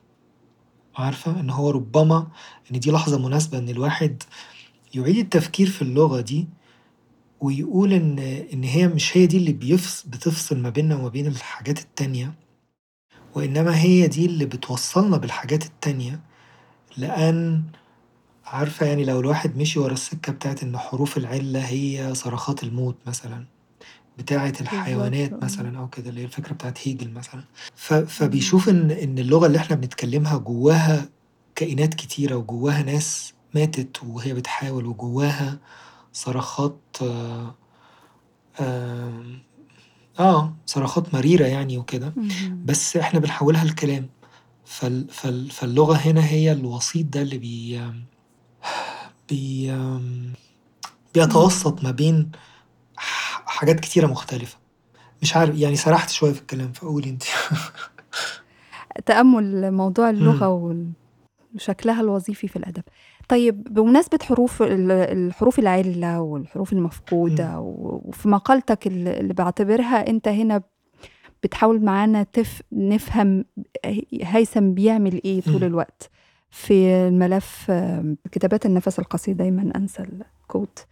سؤال الحروف. العِلّة دي وأفتكر إن أنت برضه نهيت مقالتك بليس و صح. وبتتأمَّل و و وأنت أول واحد تقريبًا مش أول واحد ما بلاش نقول نقعد نقول الوصف الكامل ده، بس فكرة ض تأمُّل فكرة ضد من. لمّا في في أمل قصيدة الدموع. أمل دنقل، أنت بتحاول تفتش ورا اللي مش متقال في ال أو نلعب. بالكلام. ف آآ السؤال ده هل له علاقة يا هيثم بالكتابة برضه والخيال؟ آآ ده سؤال الكتابة، اللغة هنا والحروف العِلّة دي بالذات في في بنا في. اللي أفردت لها مبحث في بنات آوى. هل ممكن أربطه بسؤال برضه الكتابة وسؤال الخيال بييجي منين وعايزين منّه إيه؟ ياه! طبعًا. وهو كأن الطرح هنا هو إن ال الخيال هو الحياة التانية للحاجة اللي مدفونة جوّه اللغة. يعني يعني إن لو في ما أعرفش يعني إن هو لو الواحد فكّر إن الحيوانات بوصفها أوائل يعني أول أول مهزومي التاريخ، وفي مهزومين كتير في التاريخ، مش بس الحيوانات يعني. بس هو كأن الموقع بتاع ال المه مهزومين يعني، هو كأنه كأنهم بيُطمروا أو بي يعني بيخ بيخشوا جوّه اللغة، وبيتحوّلوا كأن الصورة اللي في ذهني يعني إن هُم بيتحوّلوا لحروف عِلّة. يعني كأن الصرخات دي بتاعة ال الضحايا اللي هُم وهُم بيحاولوا حاجة ما نجحوش و وآمم تم القضاء عليهم تمامًا يعني أو كده، ب بمعاني مختلفة طبعًا. فإن حروف العِلّة دي هي كمان شبه الخيال ال ال آمم كأني كنت باحاول أربط يعني ما بين ما هو مدفون جوّه اللغة، وحروف العِلّة والخيال. الخيال بوصفه هو مش الحاجة اللي أنا بابتكرها وأنا قاعد، قاعد يعني باحاول عارفة قاعد على المكتب فبافكّر في بابتكر يعني قصة والّا حاجة. مش ده الخيال، على الأقل زي ما باحاول أفهمه. الخيال هو هو عودة حاجة مدفونة بشكل تاني. ربما يكون وليد طه مثلًا هو عودة حاجة كانت مدفونة آآ وأنا كنت باحاول أعرف هي يعني هي اتدفنت إزاي علشان ترجع بالشكل ده. فكأن ال الخيال هو ال الحياة التانية لل لل للماضي أو لل لحاجة اتدفنت أو لحاجة ما خدتش حقها أو لحاجة أُجهضت. أُجهضت بدري. فكأن هو ده الخيال بالنسبة لي. بس أنتِ كنتِ بتسألي. عن حاجة تانية كمان. كنتِ بتسألي عن ال الخيا آآ معنى الكتابة آه. ومعنى الخيال كنتِ بتسألي عن ليس ولا و والنفي والحاجات دي ليس صح؟ ولا آه. آه، لإنها شدّتني في المقالة بتاعتك و وحتى السهروردي لمّا بيعم بيحدد مك اتكلمت عن حاجة إمم. جميلة برضه يا هيثم، المدينة الأد. الأدبية.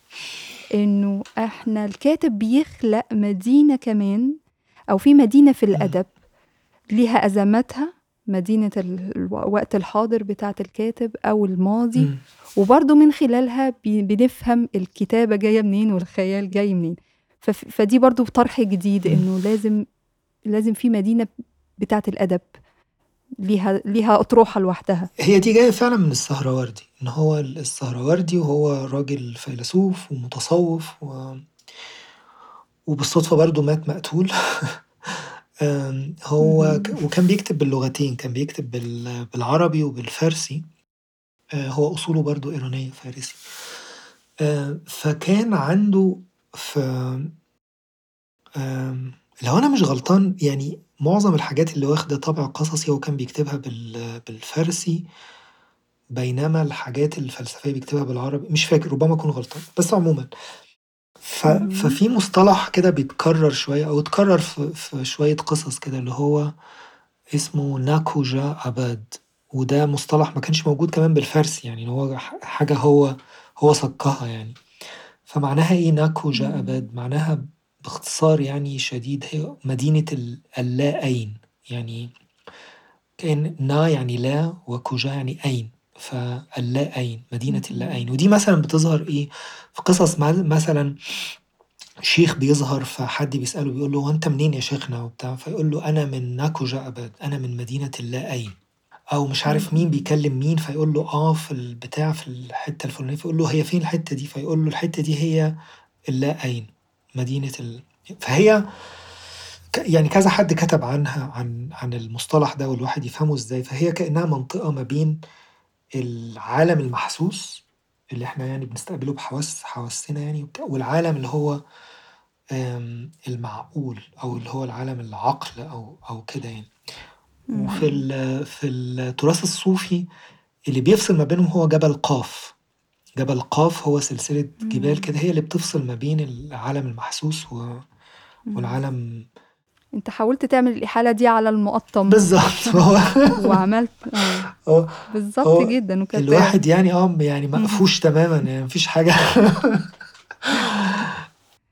وكأن هي دي المدينة الأدبية إنه لازم يبقى في عالمين هيلتقوا هيت... هيشتبكوا في لحظة وهيثم بيلقط اللحظة اللحظة دي حتى في القصص. ك... يعني كأن آه إن في في منطقة وسطية كده ما بين يعني ما بين حاجتين أو أو منطقة كمان ممكن تكون على شكل فجوة جوه واقع مثلا أو كده.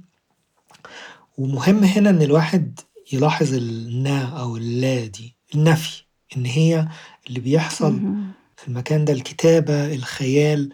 يعني الخيال بمعنى من المعاني هو نفي نفي الواقع بمعنى إن هو بيحاول يقدم بيقدم حاجة ضد الواقع بيحاول يتخيل حاجة تانية غير غير الواقع. مش لمجرد إن هي حاجة تانية وإنما علشان الواقع بشكله الحالي لا يطاق أو إن هو إن في حاجات يعني محتاجة إن محتاجة تتغير في في الواقع ده. فآه فالمدينة الأدبية دي اللي هي اخترعها السهروردي لأن هي ملهاش وجود. يعني الناس بتقول آه أنا من الحتة الفلانية بس الحتة الفلانية دي ما ظهرت لناش غير في نصوص أدبية. كأن كأن هي دي أرض الأدب. فأرض الأدب هي منطقة وسطية وفيها طاقة نفي فيها طاقة بتحاول إن هي تشتبك مع ال أو يعني تنخرط حتى في الواقع أو تشتبك معاه أو تفكر فيه أو كده من خلال مراجعته ومن خلال عمل حاجة تانية فيه أو محاولة وده ربما اللي كان عاجبني جدا في الفصل اللي هو منسوب لعبد الله بن المقفع اللي هو في فحص أمر دمنة. آه ده فصلك التاني وهو ده بالظبط الفصل التاني في الكتاب برضو ده اللي كان عاجبني قوي إن هو كأن إن إن الفصل القصة دي اللي هي ما نعرفش مين صاحبها ممكن يكون ابن ممكن يكون حد تاني بس هي بتعمل مراجعة أو بتقف عند قصة كليلة ودمنة واللي حصل وإزاي دمنة اترقى ومش عارف إيه وبتاع. فبيجي الفصل ده عشان يراجع القصة دي وي وي ويغيرها شوية ويتدخل كأنه هو الفصل ده بيتدخل في مسار القصة أو في مسار مسار حاجة. أيوة. مم. وأنت بالتوازي جبته مع في كتابك عشان برضو ترجع تفهم نفهم معاك اللحظة دي جت منين عند ابن مقفع وإيه اللي جرى بالظبط فأنت بترجع تاني أنت بتلعب يعني زي كأنك بتلعب نفس اللعبة تاني. يا بالظبط إن هو كأن الواحد تتأمل. بينسج على من منوال حاجة يعني إن هو ي... بالظبط. طيب بس لربط الموضوع المدينة الأدبية دي ويبدو إن إحنا كأنها كأننا خرجنا فيها عن بنات آوى الكتاب.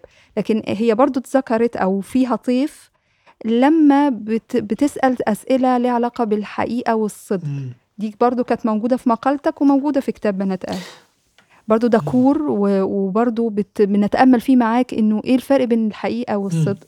فليها علاقة. برضو المدينة بتظهر هنا من من من المبحث ده.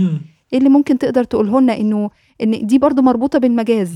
التعريف البسيط بتاعه إن الكاتب يكذب لكي يقول الحقيقة. صحيح. لكن مش بالضرورة إن أنا أبقى صادق وأدعي الكمال والصدق وال... إن ده بالضرورة حاجة. فيها احتيال حاجة مش صح مش هيحصل لكن أنا ممكن أقول الحقيقة فعلًا. يعني اشرح لنا أكتر ال المقابلتين بين الكلمتين دول الحقيقة أو الفكرتين دول. بُصّي آه، يعني آه، يعني موضوع سؤال الحقيقة ده هو كان حاجة برضه شاغلاني في الكتاب ده، وهو ما فيش حاجة ممكن يعني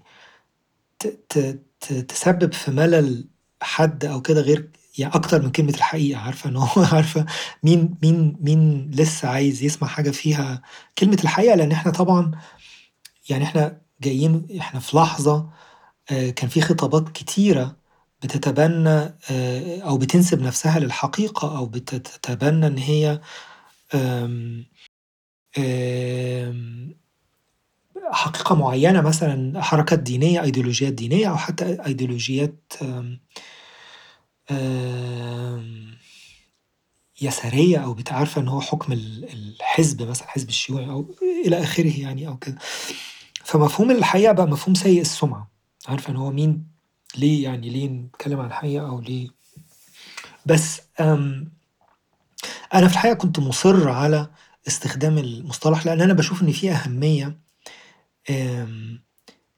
ليه علشان الواحد ما يسقطش في اللي هم بيسموه بقى الب الpost truth أو اللي هو ما بعد ال عالم ما بعد الحقيقة، إن ما فيش حق حقيقة مهمة، إنما المهم آمم الإحساس أو المشاعر أو كل واحد يصدق في اللي هو عايزه والجو ده اللي هو جو ليبرالي يعني. فمفهوم الحقيقة بالنسبة لي كان كان مهم لإن هو هو اللي بيخلّينا نتخانق على حاجة. ف فك ف فاهتمامي هنا بالمصطلح ده مش لأن إن هو مضمون أنا عايز أكشفه، يعني الحقيقة هي تتن تتا كذا. خالص، وإنما آآ فهمي للحقيقة هو إن إن في خناقة خناقة مجتمعية أو خناقة ممكن تحصل على حاجة، فالخناقة دي ممكن الواحد يسميها خطاب حقيقة أو له علاقة بال بالحقيقة يعني أو كده. علشان علشان إمم. كده عارفة إن هو إن الكتابة هي حقيقة والّا مجاز؟ عارفة؟ هي طبعًا الاتنين. ليه هي الاتنين؟ لأن لأن هي هي بتتخيل حاجات، بتعمل حاجات مجازية بكل ده، بس هي آمم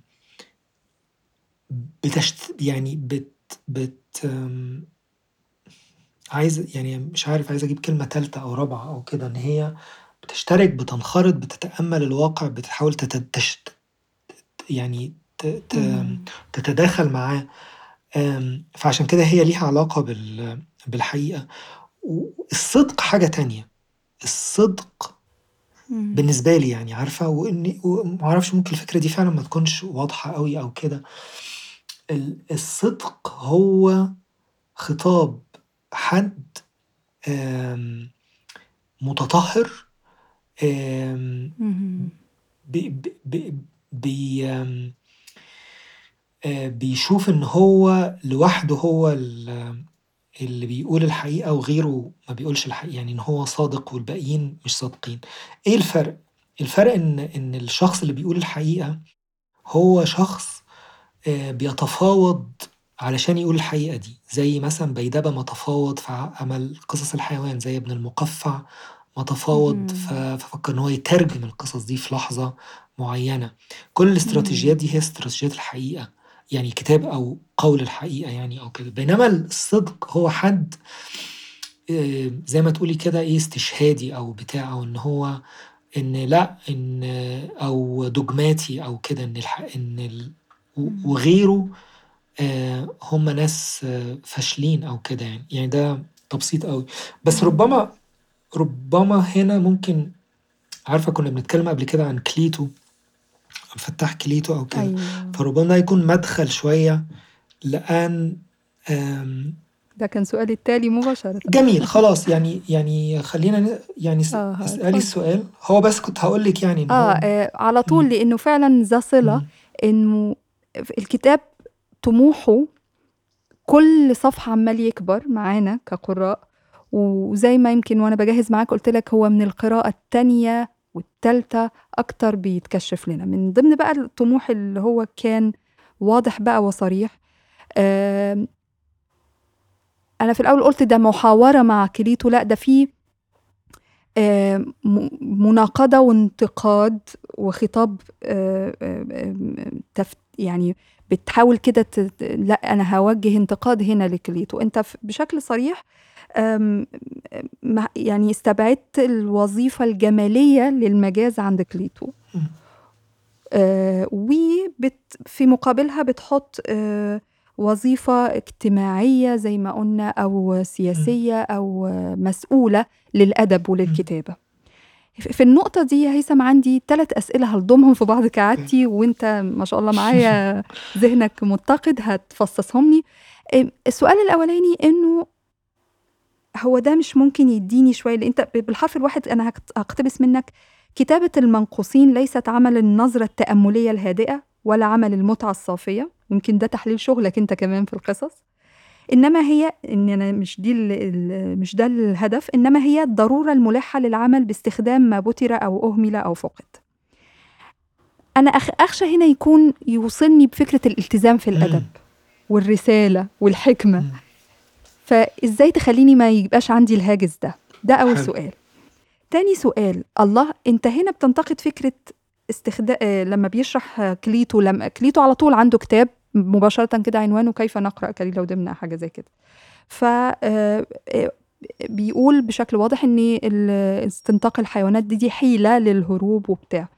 فطب ما هو أنت الحيلة دي بتستخدمها يا يا هيثم ككاتب شخصيًا، تستخدم الحيلة دي عشان ما ت بشكل واضح كده عشان ما اتكلمش في السياسة بشكل مباشر، أنا هاحطها بز ببساطة شديدة لمّا آجي أتكلم عن المدينة واللي حصل فيها والطبقة، الطبقات اللي عندك إمم. وهواجسها واللي حصل لها في قصص من القصص.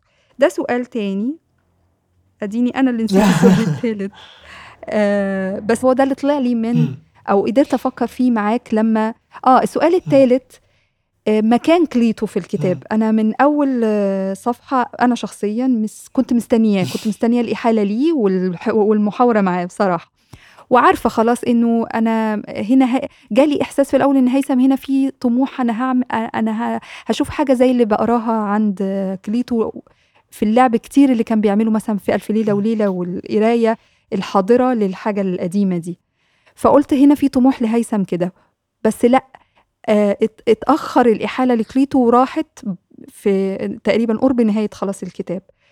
أنا هاسبّق وأجاوب أقول هي مكانه هنا جِه صح أوي، لإنك أنت في الفصل ده بتتكلم عن النهاية والكارثة وبت هنا بقى اللي مسكت فيها كليتو عشان كليتو هنا بي مش ب مش مسؤول مش معني بسؤال السُلطة والأزمة وال إمم.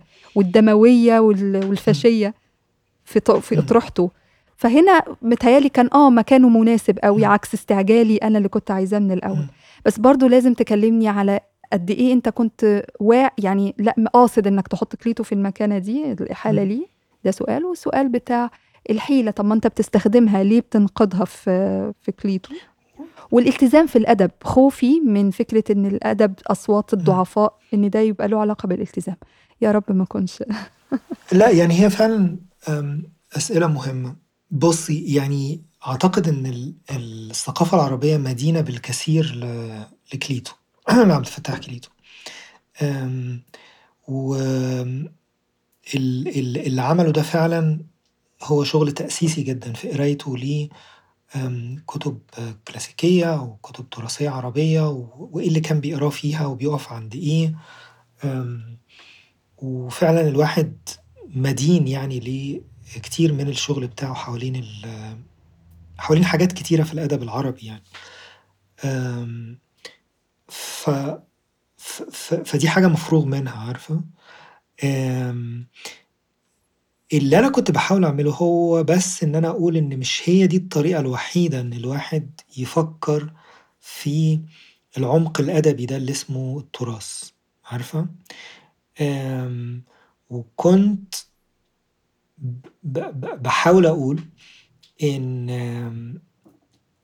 إن حاجة زي كليلة ودمنة فيها طبعًا فيها موضوع الحيلة وموضوع إزاي الواحد يقول حاجة على لسان حاجة إلى آخره يعني، بس مش هو ده بس الحاجة ال المثيرة اللي فيها، عارفة؟ إنما في حاجة مثيرة لمّا الواحد يبتدي يفكّر علاقة الكتاب بالسياق اللي طلع فيه، أو علاقة الكتاب بال ال ال التناحر الاجتماعي خلّينا نقول، أو الأزمة ال الأزمات اللي موجودة ساعتها، أو شكل الواقع ببساطة يعني كان عامل إزاي يعني. وبالتالي سؤال ارتباط ال الأدب بال بال بالسياق بتاعه أو باللحظة بتاعته أو أو أو كده. طبعًا كل الكلمات دي لازم الواحد ياخدها بحذر شوية، لأن لأن أي لحظة زي ما إحنا عارفين هي جواها لحظات كتيرة، وجاي أو أي سياق جواه سياقات كتيرة يعني. عمومًا، فاللي أنا كنت كنت كنت شايفه أو كنت باحاول آمم أتكلم عنه يعني هو إن في طريقة تانية آآ أو رب يعني ربما يكون في حاجة إن الواحد مش بيف مش يفهم بس النص الأدبي بوصفه نص أدبي منبت الصلة عن اللي بيحصل براه، وإنما إن هو يشوفه في سياقه وفي الصراعات اللي موجودة في هذا السياق وفي هذه اللحظة. وأعتقد وربما أكون غلطان فعلًا، إن دي حاجة كليتو مش المشروع بتاعه مش معني بيها. يعني هو المشروع بتاع كليتو واللي هو فعلًا تاني لازم الواحد يكرر يعني هو مشروع مهم جدًا وملهم جدًا. هو مشروع بيحاول آمم آمم بيحاول أوكي خلّيني أحاول أقول ده بطريقة تانية. ربما يكون مشروع كليتو هو جاي من ال اللي بيسموه ال language turn ده في ال في الفلسفة الفرنساوي، إن هو إن إن بقى في اهتمام بال بالنص بوصفه نص، وإن ما فيش يعني هو كل حاجة هي بس النص. آآ ما فيش حاجة بالضبط وراه. آه. آمم أو إن أي حاجة تانية هي موجودة جوه النص وبتاع. تمام يعني وهي ويعني ودي حاجة طريقة مفيدة في التفكير في في أحوال كتيرة يعني وكده. بس أعتقد اللي أنا كنت باحاول أعمله هو حاجة ما أعرفش أكثر كلاسيكية في الحقيقة، يعني هي هي أقرب ل آمم آآ علشان كده أنا مش متفاجئ من السؤال بتاع الالتزام ده. يعني اللي أنا كنت أ أعمله يعني هو حاجة ربما ليها علاقة شوية بالمادية الجدلية أو ب هي هو هو علاقة الأدب بالمجتمع عاملة إزاي. وكنت باحاول آمم أدفع شوية أو كأني باحاول أرجّع تاني ما يسمى بالتراث ده لأرضية تاريخية. عارفة أرضية تاريخية بمعنى إن إحنا. نشوف نشوفه. ونحاول نقراه من خلال بالضبط، من خلال سياقه والصراعات ال أو يعني ما هو أي كاتب ما هو بيبقى موجود دايمًا في حاجة في لحظة أو في وضع آآ حيّز. وبالضبط و وعلى احتكاك بشوية سلطات أو أو أو طبقات اجتماعية أو إلى آخره، يعني هو عنده من خلال موقعه الاجتماعي على في في اشتباك يعني مع حاجات كتيرة يعني. فإزاي الواحد يفهم ده آمم أو الواحد ما يهملش ده خلّينا نقول. فبس فك اهم. فكل اللي كنت باحاول أعمله في المناقشة بتاعة كليتو هي إن أنا أقول إن إن على أهمية الطرح بتاع كليتو، بس هو الطرح ده ربما بيبُص بس على الحاجة الجمالية وهي حاجة مهمة طبعًا. وما بيحاولش بس دي لا تشغل هيثم. لأ بتشغلني طبعًا، بس مش هي لوحدها. علشان علشان كده باحاول أقرأ آآ اللي بيحصل في كليلة ودمنة من خلال زي ما قُلت لِك اللحظة التاريخية دي اللي هي فيها خطورة وبتاع. بس. طبعًا أنتِ عندِك حق إن هو إن ممكن يلوح كده آآ خطر وهو إن يبقى ده المدخل الوحيد لقراية الأدب، أو. إن إن إن الأدب هيبقى هو مجرد الحديث عن أعرفش عايزة تسميها إيه مثلًا قضايا سياسية أو قضايا المس المستضعفين بقى والمش عارف إيه وكده. ع يعني ده صحيح، يعني إن بس الخطر ده دايمًا موجود. يعني عارفة إن هو. آمم إن إن الجانب الجمالي أو الجانب أوكي، هو يعني إيه جانب جمالي برضه؟ يعني يعني عارفة آمم الجانب الجمالي هو بالنسبة لي على الأقل هو إزاي الواحد يدّي شكل لحاجة آآ ما لهاش شكل أو لحد دلوقتي مش عارفين أها. نمسكها. أو مش عارفين نحط إيدينا عليها وبتاع فال فالشكل الجمالي هو شكل أدبي لحاجة إحنا بنفكر فيها بس مش عارفين نحط إيدينا عليها يعني فممكن قصة أو قصيدة أو أو أو أو يعني أو غيرها بتكسب شكل الحاجة قيد التشكل ولسه مش عارفين نمسكها يعني وكده. فالخطر ده دايما موجود إن إن الواحد يعني عارفة حتى المدارس الفنية اللي هي الفن من أجل الفن اللي هي بتدعي إن هي بتعلي الفكرة الجمالية أو أو المسألة الجمالية عن أي حاجة تانية. أعتقد إن إن هي مش دقيقة في طرحها لأن لو هي فعلا صادقة في طرحها أو دقيقة في طرحها وهو الاهتمام بال بالشكل الجمالي فقط فلازم تبص على تاريخ الشكل الجمالي ده لأن الشكل الجمالي ده له تاريخ. يعني يعني الرواية مثلا ما هي الرواية دي ما هي حاجة مش نزلت علينا من السماء وإنما هي ليها تاريخ. وتاريخ تطورها تاريخها الداخلي تطورها ده هو على احتكاك طول الوقت وعلى تماس مع تواريخ تانية بتحصل حواليه. يعني فاللي أقصده إيه؟ إن أنا إن طبعا أنت يعني عارفة بتشير لنقطة مهمة إن إن إهمال التاريخ الداخلي للأدب و ومحدداته الداخلية وإلى آخره ده خطير. وده صحيح طبعا إن هو خطير. بس كمان إهمال أو عدم رؤية المحددات التاريخية أو الشروط التاريخية أو كمان ممكن يودينا في حتة تانية يودينا في حتة إحنا بنتخيل فيها إن الأدب ده أو إن اللغة هي حاجة مش طالعة من الواقع مثلا أو مش طالعة من أزمات الواقع. عارفة؟ فبنبتدي نتعامل مع اللغة باعتبار إن هي كأنها كده سفير أو أو فضاء كده إحنا ممكن نسكنه. بينما هي مش موجودة في أي حتة خالص هي موجودة في الواقع اللي إحنا فيه ده. يعني مش موجودة في أي حتة تانية. وبالتالي هي معجونة بال بكل ال... ال... الحاجات اللي بتحصل لنا فيه يعني أو كده. فانيويز كنت بحاول ألقط ده عند عند كليتو. وإزاي هو كان بيتكلم عن الحقيقة وإزاي إن إن كليلة إزاي نقرأ كليلة ودمنة فكليلة ودمنة بتكشف الحقيقة المسكوت عنها أو ال أو ال بتعريها أو كده. وأنا كنت شايف إن إن إن أو بحاول أشتبك مع مع الطرح ده وأقول إن المفهوم الحقيقة اللي الكتاب كله بيحاول إن هو يشتغل عليه هي إن هي مش مضمون ممكن الواحد يكشف عنه وإنما هي إزاي ن... تفاوض. بالظبط إزاي نتكلم فنتفاوض على حاجة فنختلف. فدايما الحقيقة هي دايما خلافية. خلافية بمعنى إن هي مش نقية إن هي دايما فيها حاجات كتيرة وفيها حركة والحركة دي بتوديها لحظات مختلفة وكده. وعشان كده كليتو جه في النهاية. هو أنا عشان سؤال يعني مش عارف في الحقيقة أعتقد إن هو جه مش عارفة ليه مشغولة بمكانه في الكتاب. هو يعني جه علشان عارفة اللي هو الألسنة المبتورة و... و... آه وعلاقة اللسان المبتور بيه هو عنده اللسان المشطور.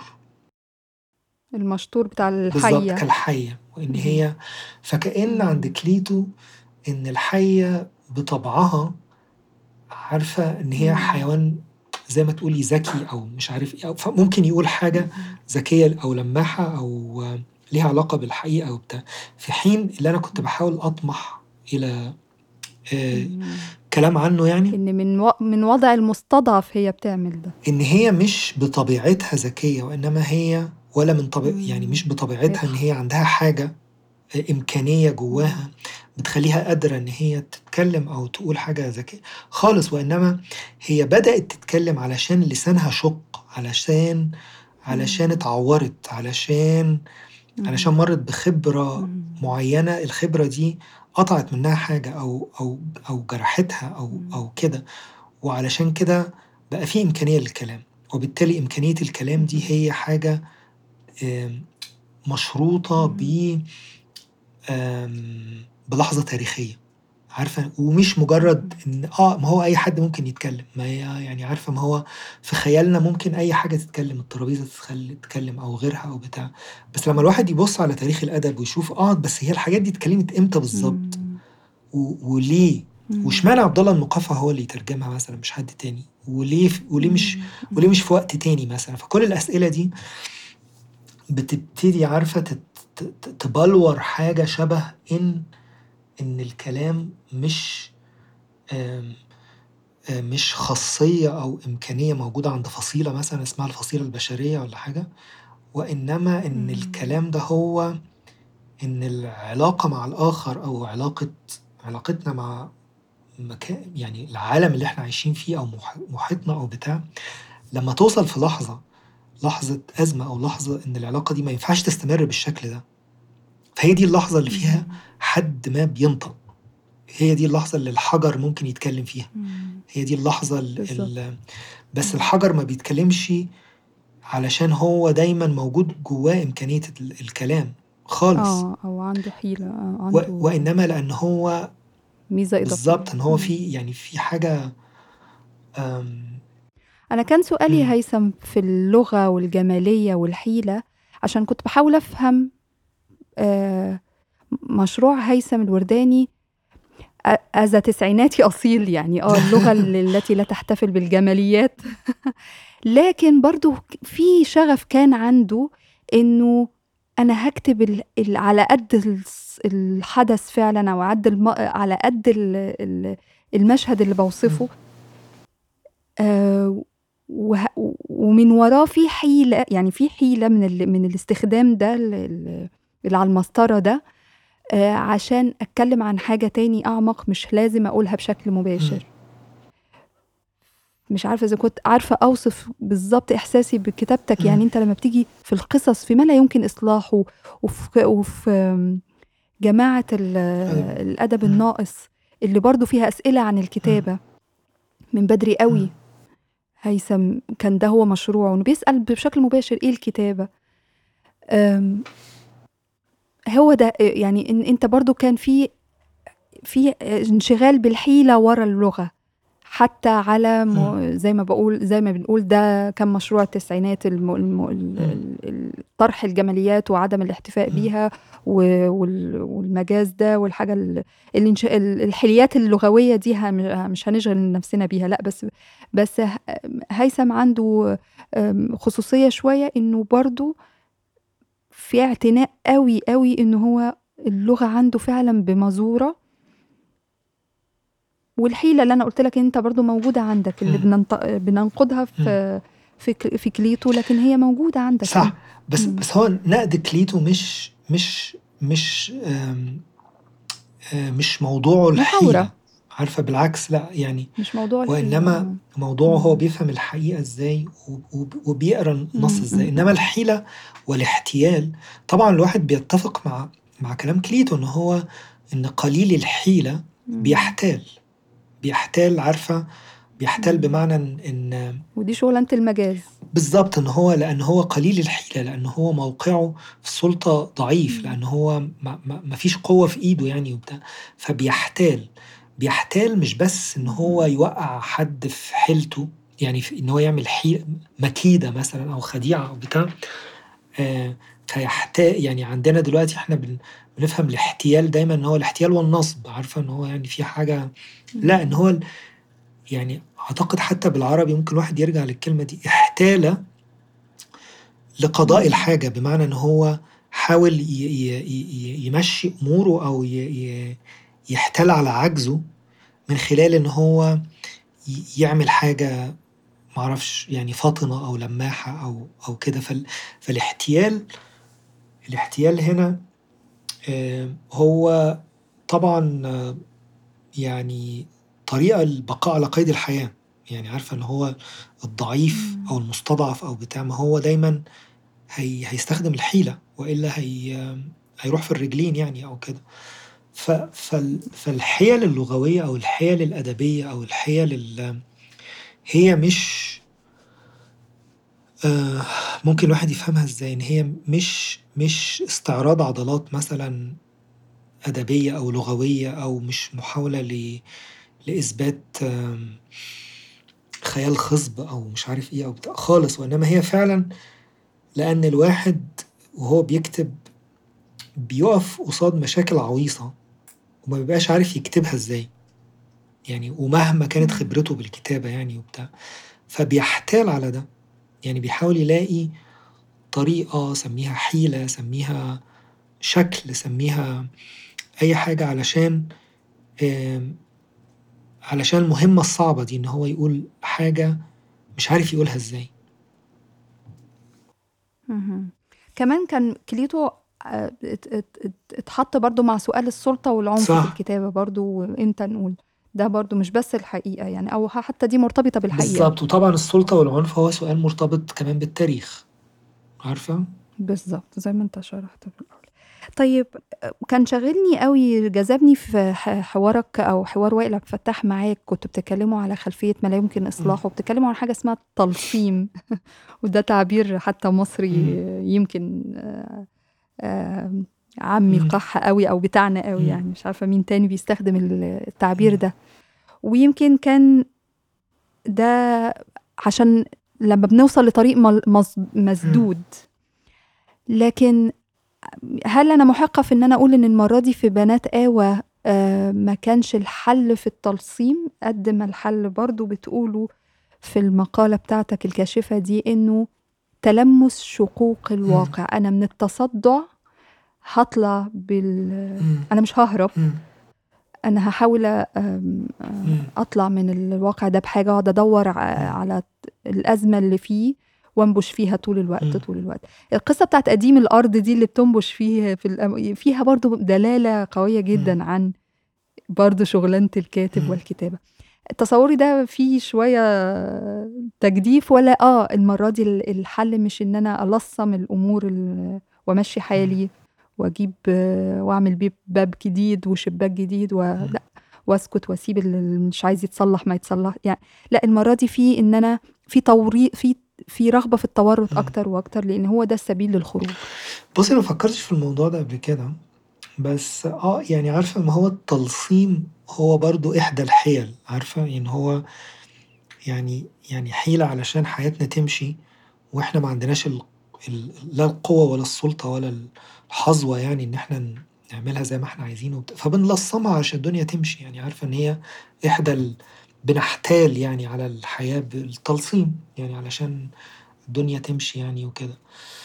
بس أظن أظن إن إن في الكتاب بتاع بنات ابن قهوة ده كان الموضوع أكتر هو آه الشقوق أو الصدوع أو نقط التماس اللي هي نقط قطع ونقط بتر اللي هي الحتت الاستمرارية حاجة معينة بتقف عندها أو تتقطع عندها. استمرارية تاريخ استمرارية معرفش مفهوم عن اللغة استمرارية سلطة استمرارية حاجات من دي فربما آه هي دي شوية. ال... الحتت يعني اللي في حاجة بت بت بت آه ممكن الواحد يقولها بكذا طريقة إن حاجة بتتبتر حاجة بت تصدع أو بيبقى فيها شق أو فدي اللي شوية آه. ما فعلا ما فكرتش في علاقة الاتنين ببعض بصراحة. بقيت مشغول بيها. أنا حاولت كده أشوف إنه يعني المرة دي في طموح تاني مع هيثم بيحطه جنب الحلول التانية. يعني كلمة حلول برضو يمكن مش تبقى أدق وصف بس آه يمكن وإحنا بندردش قبل ما نسجل كنت بقول لك كده إنه كان في آه تجريد آه قبل كده. عند هيثم في القصص اللي فاتت والكتب اللي فاتت وبعدين المرة دي في بنات آوى بقينا شايفين تطبيق للأفكار بقى على أرض الواقع على حاجة آه، قراية كتاب قبل كده وطموح آه، بيفكر من خلاله هيثم الكتابة المفروض تعمل إيه الخيال جاي منين والمفروض يعمل إيه المجاز ده وظيفته إيه وهكذا. دي حاجات اتقلبت بشكل يعني هو آه يعني عارفة إن الواحد بمرور الوقت وبمرور يعني مشاريع الكتابة يعني وبتاع إن أحيانًا آه إن في سؤال قديم والواحد عافر معاه وطلع بشكل معين ممكن في عمل بعد كده يطلع بشكل ممسوك أكتر أو أو أوضح أو أو كده حتى لو ما كانش هو الموضوع حتى لو ما كانش هو التيمة الرئيسية أو حتى لو ما كانش هو بس بس يبدو آه إن أحيانًا ده بي بيحصل إن هو ممكن تكون فكرة مجردة عندِك مش عارفة تمسكيها كويس أو مش عارفة تحطي إيدِك عليها أو تطلعيها في في جمل يعني أو كده. إن بعدها بشوية ممكن الفكرة دي تتضح يعني ويبقى الصياغة بتاعتها سلسة جدًا وكده. فمن غير حتى ما أكون أنا بفكر في ده. يعني من غير ما أكون واعي ليه أوي أو كده. طب خلاص أنا مش فاضل لي إلا أوكي. سؤالين، السؤال اللي هاقوله ده دلوقتي مربوط الصلة برضه باللي قبليه أو اللي كنا بنناقش فيه دلوقتي حالًا آمم ف لما بتتكلم أنت في مقالة كتابات النفس القصير آآ هيثم اتكلم عن مشروع التسعينات إنه الفردية اللي كانت اللي بيع بيع بتعلّيها ال بيعلّيها الجيل ده. آآ مشغولة أنا طول الوقت بالفكرة دي بس أنت المرة دي كنت فعلًا بتقدم بتقدم لها طرح المرة دي بتقول إنه آمم ال ال يمكن دلوقتي ما عادش هو ده بقى المشروع. وبرضه بتحيل للواقع وتصدعاته وإن إحنا ننغمس أكتر في المشاكل مش عارفة. فهنا أنت قلت إن الفردية مع الوقت بتتحول لأيديولوجية هي لوحدها آآ ده برضه أنت طورته إمتى مع الوقت أو بتشوف إنه ما خلاص ما عادش خطاب التسعينا الجيل التسعينات ده اللي اتحصرتوا فيه أو أنتم مع الوقت علّيتوا الخطاب ده عشان تقدروا تخرجوا بيه من أزمة الأدب اللي فات وال وال والأيديولوجيا والسياسة والالتزام. ده إمتى فكرت فيه بالضبط وطورته مع الوقت وأتصور إنه له صلة قوية بفكرة الانشغال بالأصوات و والكارثة اللي بتحصل ال فهمها والخروج منها و. بُصّي يعني تيمة الفردية دي يعني برضه عشان يعني الواحد ما ي ما ي ما يعممش أوي يعني هي كانت إحدى التيمات الرئيسية وسط تيمات تانية رئيسية يعني في الفترة اللي هي بتاعة التسعينات دي، بس هي التيمة دي كانت مهمة على الأقل بالنسبة لي أنا بشكل شخصي آآ لأن هي كانت ضرورية، ضرورية ليه؟ لأن في لحظة آآ كل حاجة بت بيحصل لها آآ تعميم أو standardization أو توحيد قياسي خلّينا نقول بيبقى مهم إن الواحد ي ي ي يتكلم بصوت الفردية عارفة أو يدافع عن الفردية أو ي ي يعني في ضرورة لده. ربما أنا ما أعرفش برضه مش عايز أعمم آآ على كل يعني الناس ال أبناء وبنات الجيل ده يعني وكده، بس أنا الم الموضوع ده فضل شاغلني شوية وبعدين بقيت أحس إن بالضبط يعني يعني بقيت أحاول أفهم ده بشكل تاريخي، بشكل تاريخي بمعنى إيه؟ إن الواحد يفهم آه هي تيمة الفردية دي ظهرت علشان ترد على إيه؟ عشان تجاوب على أنهي سؤال آآ ومش بوصفها آمم هي ال ال هي الطريق أو هي ال آه. الخاصية يعني اللي هي تنّها ثابتة يعني وكده.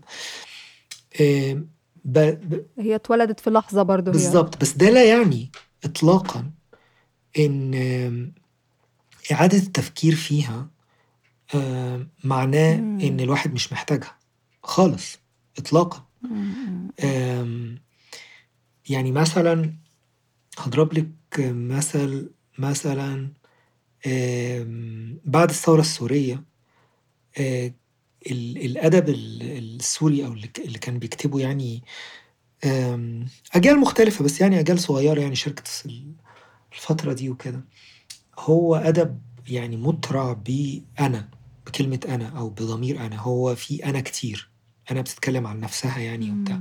وده مفهوم. و والواحد مش هيكون مُحِق لو لو توقّع حاجة تانية، لأن تحت حكم آآ سلطوي زي حكم البعث يعني ما كانش في أي مساحة للأنا دي، كانش في أي مساحة للفردية إمم. وبالتالي إن إن إن ظهور الأنا مع يعني مع الثور يعني هو الشرط التاريخي لمّا اتغيّر بقى في ضرورة إن إن إن إن ال ال الأنا دي تصحى وت ويتم الحديث على لسانها وكل ده.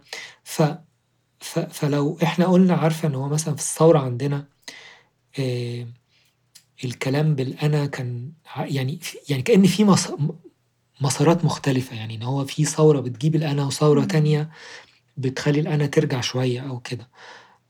و فبالتالي الموضوع مش مش بسهولة إن الواحد يقول آه إن الثورة هي دايمًا بتجيب خطابات جماعية، بينما التسعينات. بتجيب خطابات فردية أو يعني لحظة مش عارف فيها ركود وبتاع فتجيب خطابات فردية، ده مش صحيح برضه. لإن زي. ما باقول لِك إن هو زي الثورة السورية مثلًا في ثورة بت بتجيب الخطاب الفردي، لإن هو في حاجة ضرورية في ال ال الفردية دي، بس هي الفردية هي لحظة جنب لحظات تانية. أعتقد كل اللي أنا كنت باحاول أعمله. يعني إن تثبيت اللحظة دي هيحوّلها من سلاح ضد الأيديولوجية لحاجة أيديولوجية في حد ذاتها. في حد ذاتها. أنت عايز تربطها بالسياق طول. بالضبط. أو باحاول أعمل كده. طيب ع حاسّة إن أنا أرهقتك كتير، عايزة أسأل سؤالي الأخير بس رجعت تاني أفتكر ال لمّا جِبنا سيرة ال الحيّة المشطورة إمم. اللسان، يد يد ابن المقفّع اللي بتبدأ بيها. الكتاب وبنفهم منها بقى أنت إمم. بت في إحالات لموضوع اليد اللي بتكتب دي واليد اللي بقت إنسية وكده،. في في في في الإنجيل وفي حاجات كتيرة و. بس بس أنت بنكتشف في قلب الكتاب إن أنت بترجع لرواية نسب إمم. آآ بتاعة أوكتافيا باتلر. وبت إمم بالضبط، اللي هو ف ه ده كان فعلًا طموحك على طول في الأول أنت آآ يعني آمم كان في شغف بال بالقصة دي عجبتك جدًا، فقُلت أنا هاعمل موضوع اليد ال اللي بت بتثأر يعني لصاحبتها أو والله مش مش عارف يا إيمان، يعني مش عارف هو إيه اللي جاب إيه أو إيه الحاجة ال ال اللي جات في الأول، بس أنا لإن أنتِ عارفة في يعني في كتابة القصص كمان يعني في حاجات كده الواحد ما بيبقاش عارف. أسبابها المنطقية، يعني. زي كنت باحكي لِك مثلًا وليد طه إن هو فجأة لقيت الكائن ده. يعني في ذهني أو دخل عليَّ إمم. الأوضة أو بتاع، وطب يعني وبقت إمم. الكتابة هي مجرد تتبُّع أو محاولة فهم أو أو كده يعني. موضوع ال الإيد ربما علشان تيمة البتر أو تيمة ال إمم. ال الإمكانية المُجهضة ال اللي في الماضي مثلًا، وإزاي الواحد ي ي إمم. يرثها، باعتبار إن ده كان أحد الأسئلة إمم. الرئيسية يعني.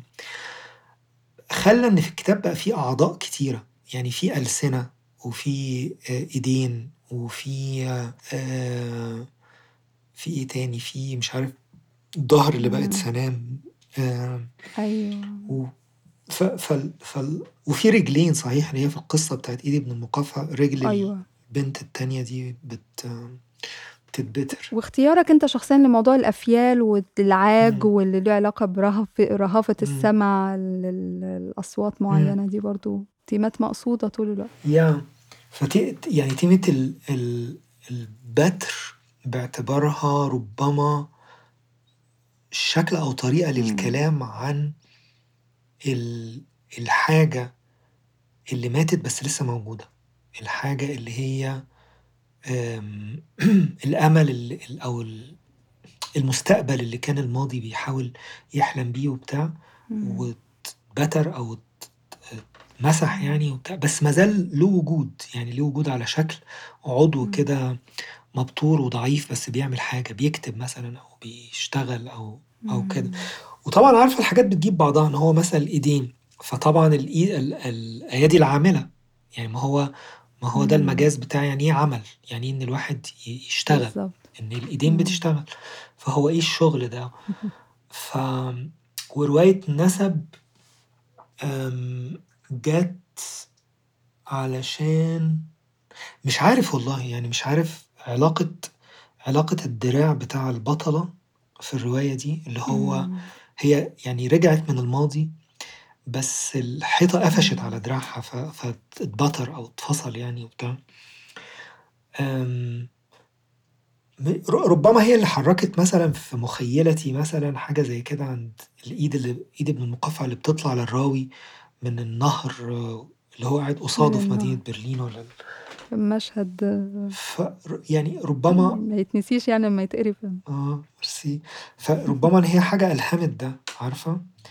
آآ بس. هي كمان رواية أعتقد آمم أنتِ عارفة إن هي كمان صدرت بالعربي في ترجمة لمنى كريم؟ آه إمم. تُرجمت.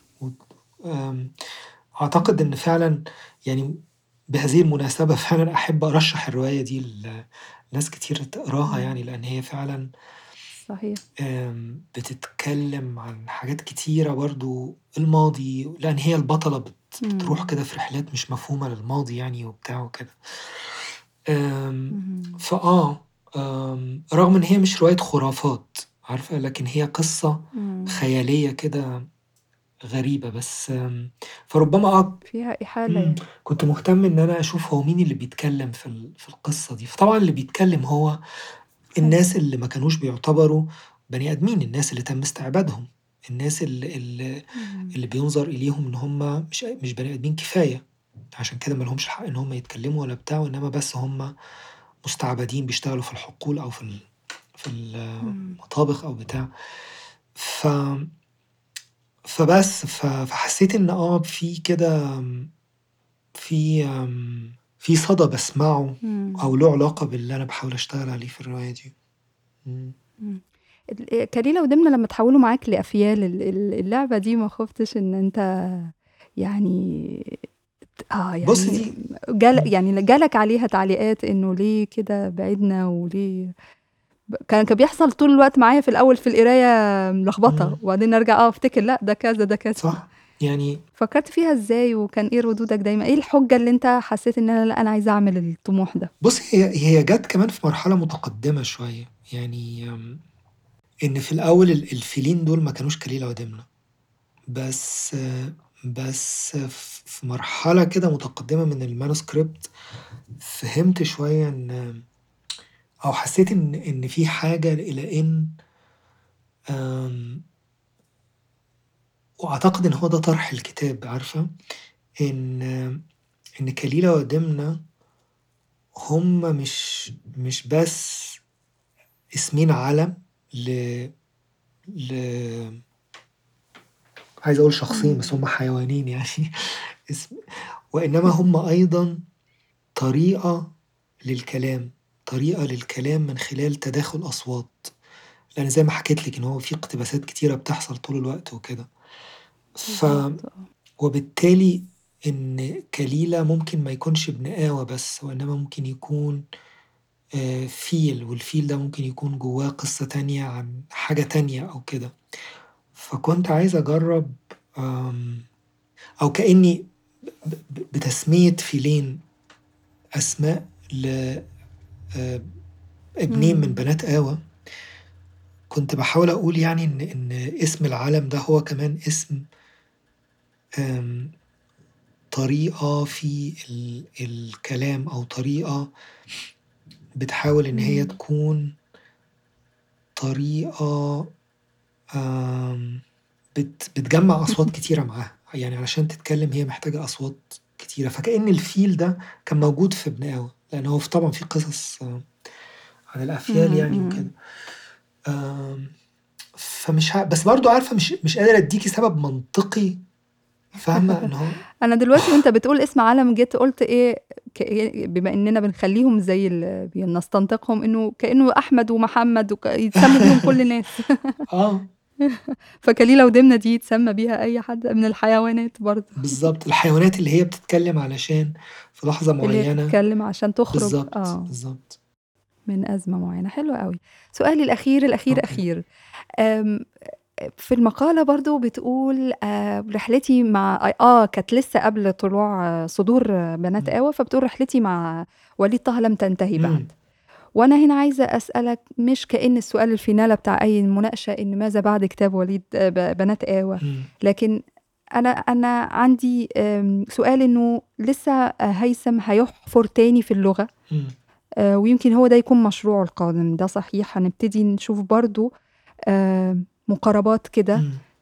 على غرار ال التفتيت اللي عملته مع ليس والنفي و وحروف العلة،. فهل أنا مُحقّة في ده؟ إيه تاني ال والّا خلاص أنت وأنت بتكتب المقالة كنت فعلًا بتجهّز لبنات و وشبعت في المنطقة دي؟ بس يع بالضبط. الطموح القادم له علاقة باللغة صح؟ يعني يعني هو اللي حصل إنه لمّا كنت باكتب في المقالة دي كنت باشتغل على بنات آوى، فكنت بس باقول إن أنا لسه يعني الرحلة بالضبط. دي بتاعة الحيوان آه. اللي ما اتكلمش أو يعني إيه حيوان يتكلم أو لسه ماشي فيها يعني صحيح. وبتاع. إنما آمم ال القادم بقى يعني آمم ي لو سألتيني دلوقتي هاقول لِك إن أنا في الحقيقة ما لياش نِفْس إن أنا آآ أعمل تاني إمم. نفس الحاجة دي أو أعم يعني عارفة إن هو أنا فعلًا ما أعرفش ال الإحساس اللي عندي دلوقتي هو إحساس بال بالخواء شوية، إن أنا ما فيش حاجة جوايا أقولها، عارفة إن أنا معظم الحاجات اللي كانت بتشغلني أو بتاع وكده قُلتها، فما فيش يعني مش عايز أتكلم. إمم. وفي نفس الوقت بال الزهق، بالزهق من ما أعرفش، ربما كمان عارفة إن أنتِ الكتاب معناه إن أنتِ بتقعدي تقري كتير عشان تراجعي وتحرّري وبتاع،. وبعدين شغل على الmanuscript فممكن قريته كتير لدرجة إن أنا فعلًا زهقت منه، آآ وزهقت من آمم أو أو نِفْسي مفتوح لو لو سألتيني يعني نِفْسك في إيه أو كده، إمم. فعلًا نِفْسي مفتوحة إن أنا أجرّب حاجة تانية أو أمشي في سكة تانية أو كده. بس طبعًا إمم. ما حدش يعرف، لأن في النهاية لمّا أنتِ تجرّبي في سكة تانية ما أنتِ بتيجي السكة التانية دي وأنتِ شايلة شنطتين 3 معاكِ عارفة؟ إمم. ف أظن مش صُدفة يا هيثم يا هيثم إن ما بين كتاب سردي مش عارفة أنت م ما كنتش بتحب تقريبًا تك تقول على الفكرة دي الكتابة السردية أو الكتابة الnonfiction حاجة زي كده، تقوم في كتاب قصصي إمم. في النُص موجود أو حاجة كده؟ آه لأ بُصّي موضوع الfiction والnonfiction ده محتاج قعدة، يعني لأن هو بس ه إمم، يالّا. بس هاقول لِك باختصار شديد يعني إن هو إن إمم. يعني أنا و وأعتقد أنا مش أنا لوحدي يعني إن هو آمم مش مش مش مرتاح أوي مش مُعجب أوي ومش ب بالقسمة دي ما بين fiction وnonfiction وكأنهم عالمين مختلفين يعني أو. كده، وأعتقد إن هي دي جاية من تقاليد أعتقد ياسر قال لي الموضوع ده، إن هو تقاليد أكتر أنجلو ساكسونية، آآ بينما في تقاليد أدبية تانية الموضوع ما كانش مقسوم كده. لو سألتيني كت هو هو ده كتاب سردي، كتاب شعري، كتاب مش عارف هو كتاب إيه، أنا شخصيًا حابب أو الاقتراح اللي باح يعني ممكن أقدّمه يعني إن هو ممكن الواحد ي يدرج الكتاب ده. في إطار حاجة باحب أسميها كُتب شعرية، آآ زي زي كُتب لعلاء خالد وزي كُتب لإمام مرسال، وطبعًا هم. شعراء كبار، آآ الكُتب دي مش مش قصايد، إنما هي سرد أو نثر أو أو كده يعني، بس هي بالنسبة لي يعني. هي كُتب شعرية لأن هي فيها أو مُخلصة ل ل ل لمشروع الشعر، اللي هو بيحاول يبُص للحاجات بشكل بشكل بشكل معيّن، بشكل بشكل مختلف،. بشكل إن هو بيحاول يقرأ الواقع مش لا على شكل وقائع ولا على شكل سرد قصصي، وإنما علشان يورّي شوية حاجات في الواقع، يورّي الحتت اللي الواقع بيتلوي فيها أو بيتشقق فيها أو بي عارفة؟ ف فلو سألتيني. الكُتب يعني الكتاب ده أو زي كتاب النوم أو غيره أو بتاع يعني آه لسه كنت هاقول لك النوم أنا حسيت في النوم إنه شعر. آه، وأنا عندي لمّا باقول شعر ب ب بييجي في بالي الصورة إمم. اللي هي مش عايزة أقول مجازية بس في صورة واضحة بتتكلم عن حاجة آآ مش قادرين نلمسها أو مش قادرين نعرف لها تفسير، فهي زي ما أنت قُلت كده بن إمم. بنحاول لأ بنحاول نلاقي لها مقاربة تانية، فبنقولها بشكل ومسولة آه كده. يعني دي أحد أحد الطرق الممكنة للتفكير في في في باقول لِك في وأنا فعلًا يعني الكُتب ال يعني الأمثلة اللي أنا ذكرتها لِك هي دي سواء علاء أو إيمان يعني الكُتب الكُتب ال اللي كتبوها هي. كُتب مبهرة جدًا بالنسبة لي و و ومهمة جدًا وعملت. عملت حاجة مهمة في في الكتاب، فأنا ما ما ما ما باحبّذش بس الغريب إن أنت بتسمّيها شِعر. آه، وأنا فعلًا. حابب إن أنا أطرح ده كاقتراح للمناقشة يعني إن هو إن الكتب الشعرية هي مش بس قصايد، وإنما إن هي بت مُخلصة لمشروع الشعر، ومشروع الشعر ده هو حكاية تانية غير التقسيمة دي اللي هي بالنسبة لي شوية سطحية ما بين الfiction والnon fiction عارفة إن هو إن. آه، عندنا fiction قصص خيالية وفيها أحداث وشخصيات وبتاع وnon fiction فيها بحثية وبتاع وكده. الش هو إيه الشعر؟ يعني ما هو لو الواحد غامر أو أو خاطر بمحاولة وصف الشعر، ما هو الشعر هو الحاجة اللي بت. بتلخبط كل ما هو مستقر، يعني التقسيمات المستقرة دي بتاعة إن إحنا عندنا آآ قصة ورواية. ومش أجناس أدبية وعندنا مش عارف إيه وبتاع، هو الشعر هو الحاجة اللي بت تخلّينا نُعيد تفكير في ال في الإدراج دي ويقوم ملخبطها، وهي اللخبطة دي بتحصل بأشكال مختلفة من أحد الأشكال دي هو القصيدة،. بس في أشكال تانية إن إن. فعلًا في كتب نثرية باحس إن هي بتنتمي فعلًا للمشروع الشعري. فريد الطرح ده. و وأنت كمان على صعيد القراية، حتى كلمة القراية أنت ب بت في الكتاب بنات أوى بت بتطرحها بإنها أحد الحلول برضه القراءة، قراءة الأعمال وده اللي عملته إن أنت ب قرأت كليلة ودمنة بطريقة أخرى. آمم إنه آمم أنت قارئ كويس للشعر جدًا يعني بيبان ده أوي في ال في القصص والإيحاءات. أنت بشكل يعني شخصي. إحنا اتكلمنا عن التسعينات من شوية آآ والفردية وبتاع،. فكنت باقول لِك إن مش هي دي بس الجملة الوحيدة عند التسعينات، إنما كان في يعني حاجة تانية مهمة أو الحاجة الأساسية اللي حصلت أو اللي هي ال الدُرّة أو الجوهرة بتاعة التسعينات هي قصيدة النثر، هي الشعر، هي يعني عارفة؟ فاهتمامي. أو قرايتي لل تحلقتوا حواليها كلكم. آه، يعني يعني ما هو أنا اتعلمت من مين؟ ما أنا اتعلمت من من صحابي، يعني وصحابي ساعتها كانوا بيعملوا إيه؟ معظمهم كان بيكتب شعر. ف فرغم إن أنا في. عمري في حياتي ما كتبت قصيدة، لكن أنا يعني وممتن. جدًا أنا اتربيت في من يعني نشأت ممتلئ بال بالضبط إمم. في مناخ أدبي ال الخناقة الكبيرة فيه هي الشعر، و ولسه حاسس إن إن إن مشروع الشعر ده هو حاجة آآ مهمة وضرورية، وكل اللي باحاول أعمله يعني إن أنا أشوف وده مش لوحد ده مش افتكاسة مني، مش اختراع مني يعني، إن في ناس كتيرة آآ فك إمم. يعني كتبت في ده وكده، إزاي إن الواحد يشوف الشعر اللي برّه الش الجنس اللي اسمه القصيدة يعني أو كده، إن هو يوسّع شوية ال المجال بتاع الشعر. اهم. ميرسي أوي يا هيثم لتدفقك واستعدادك طول الوقت تجاوب على الأسئلة وتد وتدّي لها منطق. ميرسي أوي لا. أبدًا، ميرسي ليكِ يعني، العفو، وفعلًا شكرًا جزيلًا على الاستضافة ومعلش سهرناكِ معانا. لا بالعكس، أنا اللي كمان لا، أرهقتك لا، لأ جدًا. خالص. شكرًا، شكرًا. خلاص على ميعاد جديد تاني في دردشة جديدة نستناكم، شكرًا لضيفنا هيثم شكرًا الولداني. جزيلًا. كده وصلنا لآخر الحلقة، نتمنى تكونوا انبسطتوا بسماع الدردشة، وقبل ما تمشوا تابعونا على كل منصات البودكاست، هتفتشوا على دردشة في جوجل بودكاست، أبل بودكاست، أنكر، سبوتيفاي. اسمعوا الدردشات اللي فاتت وانتظروا دردشات جديدة جاية.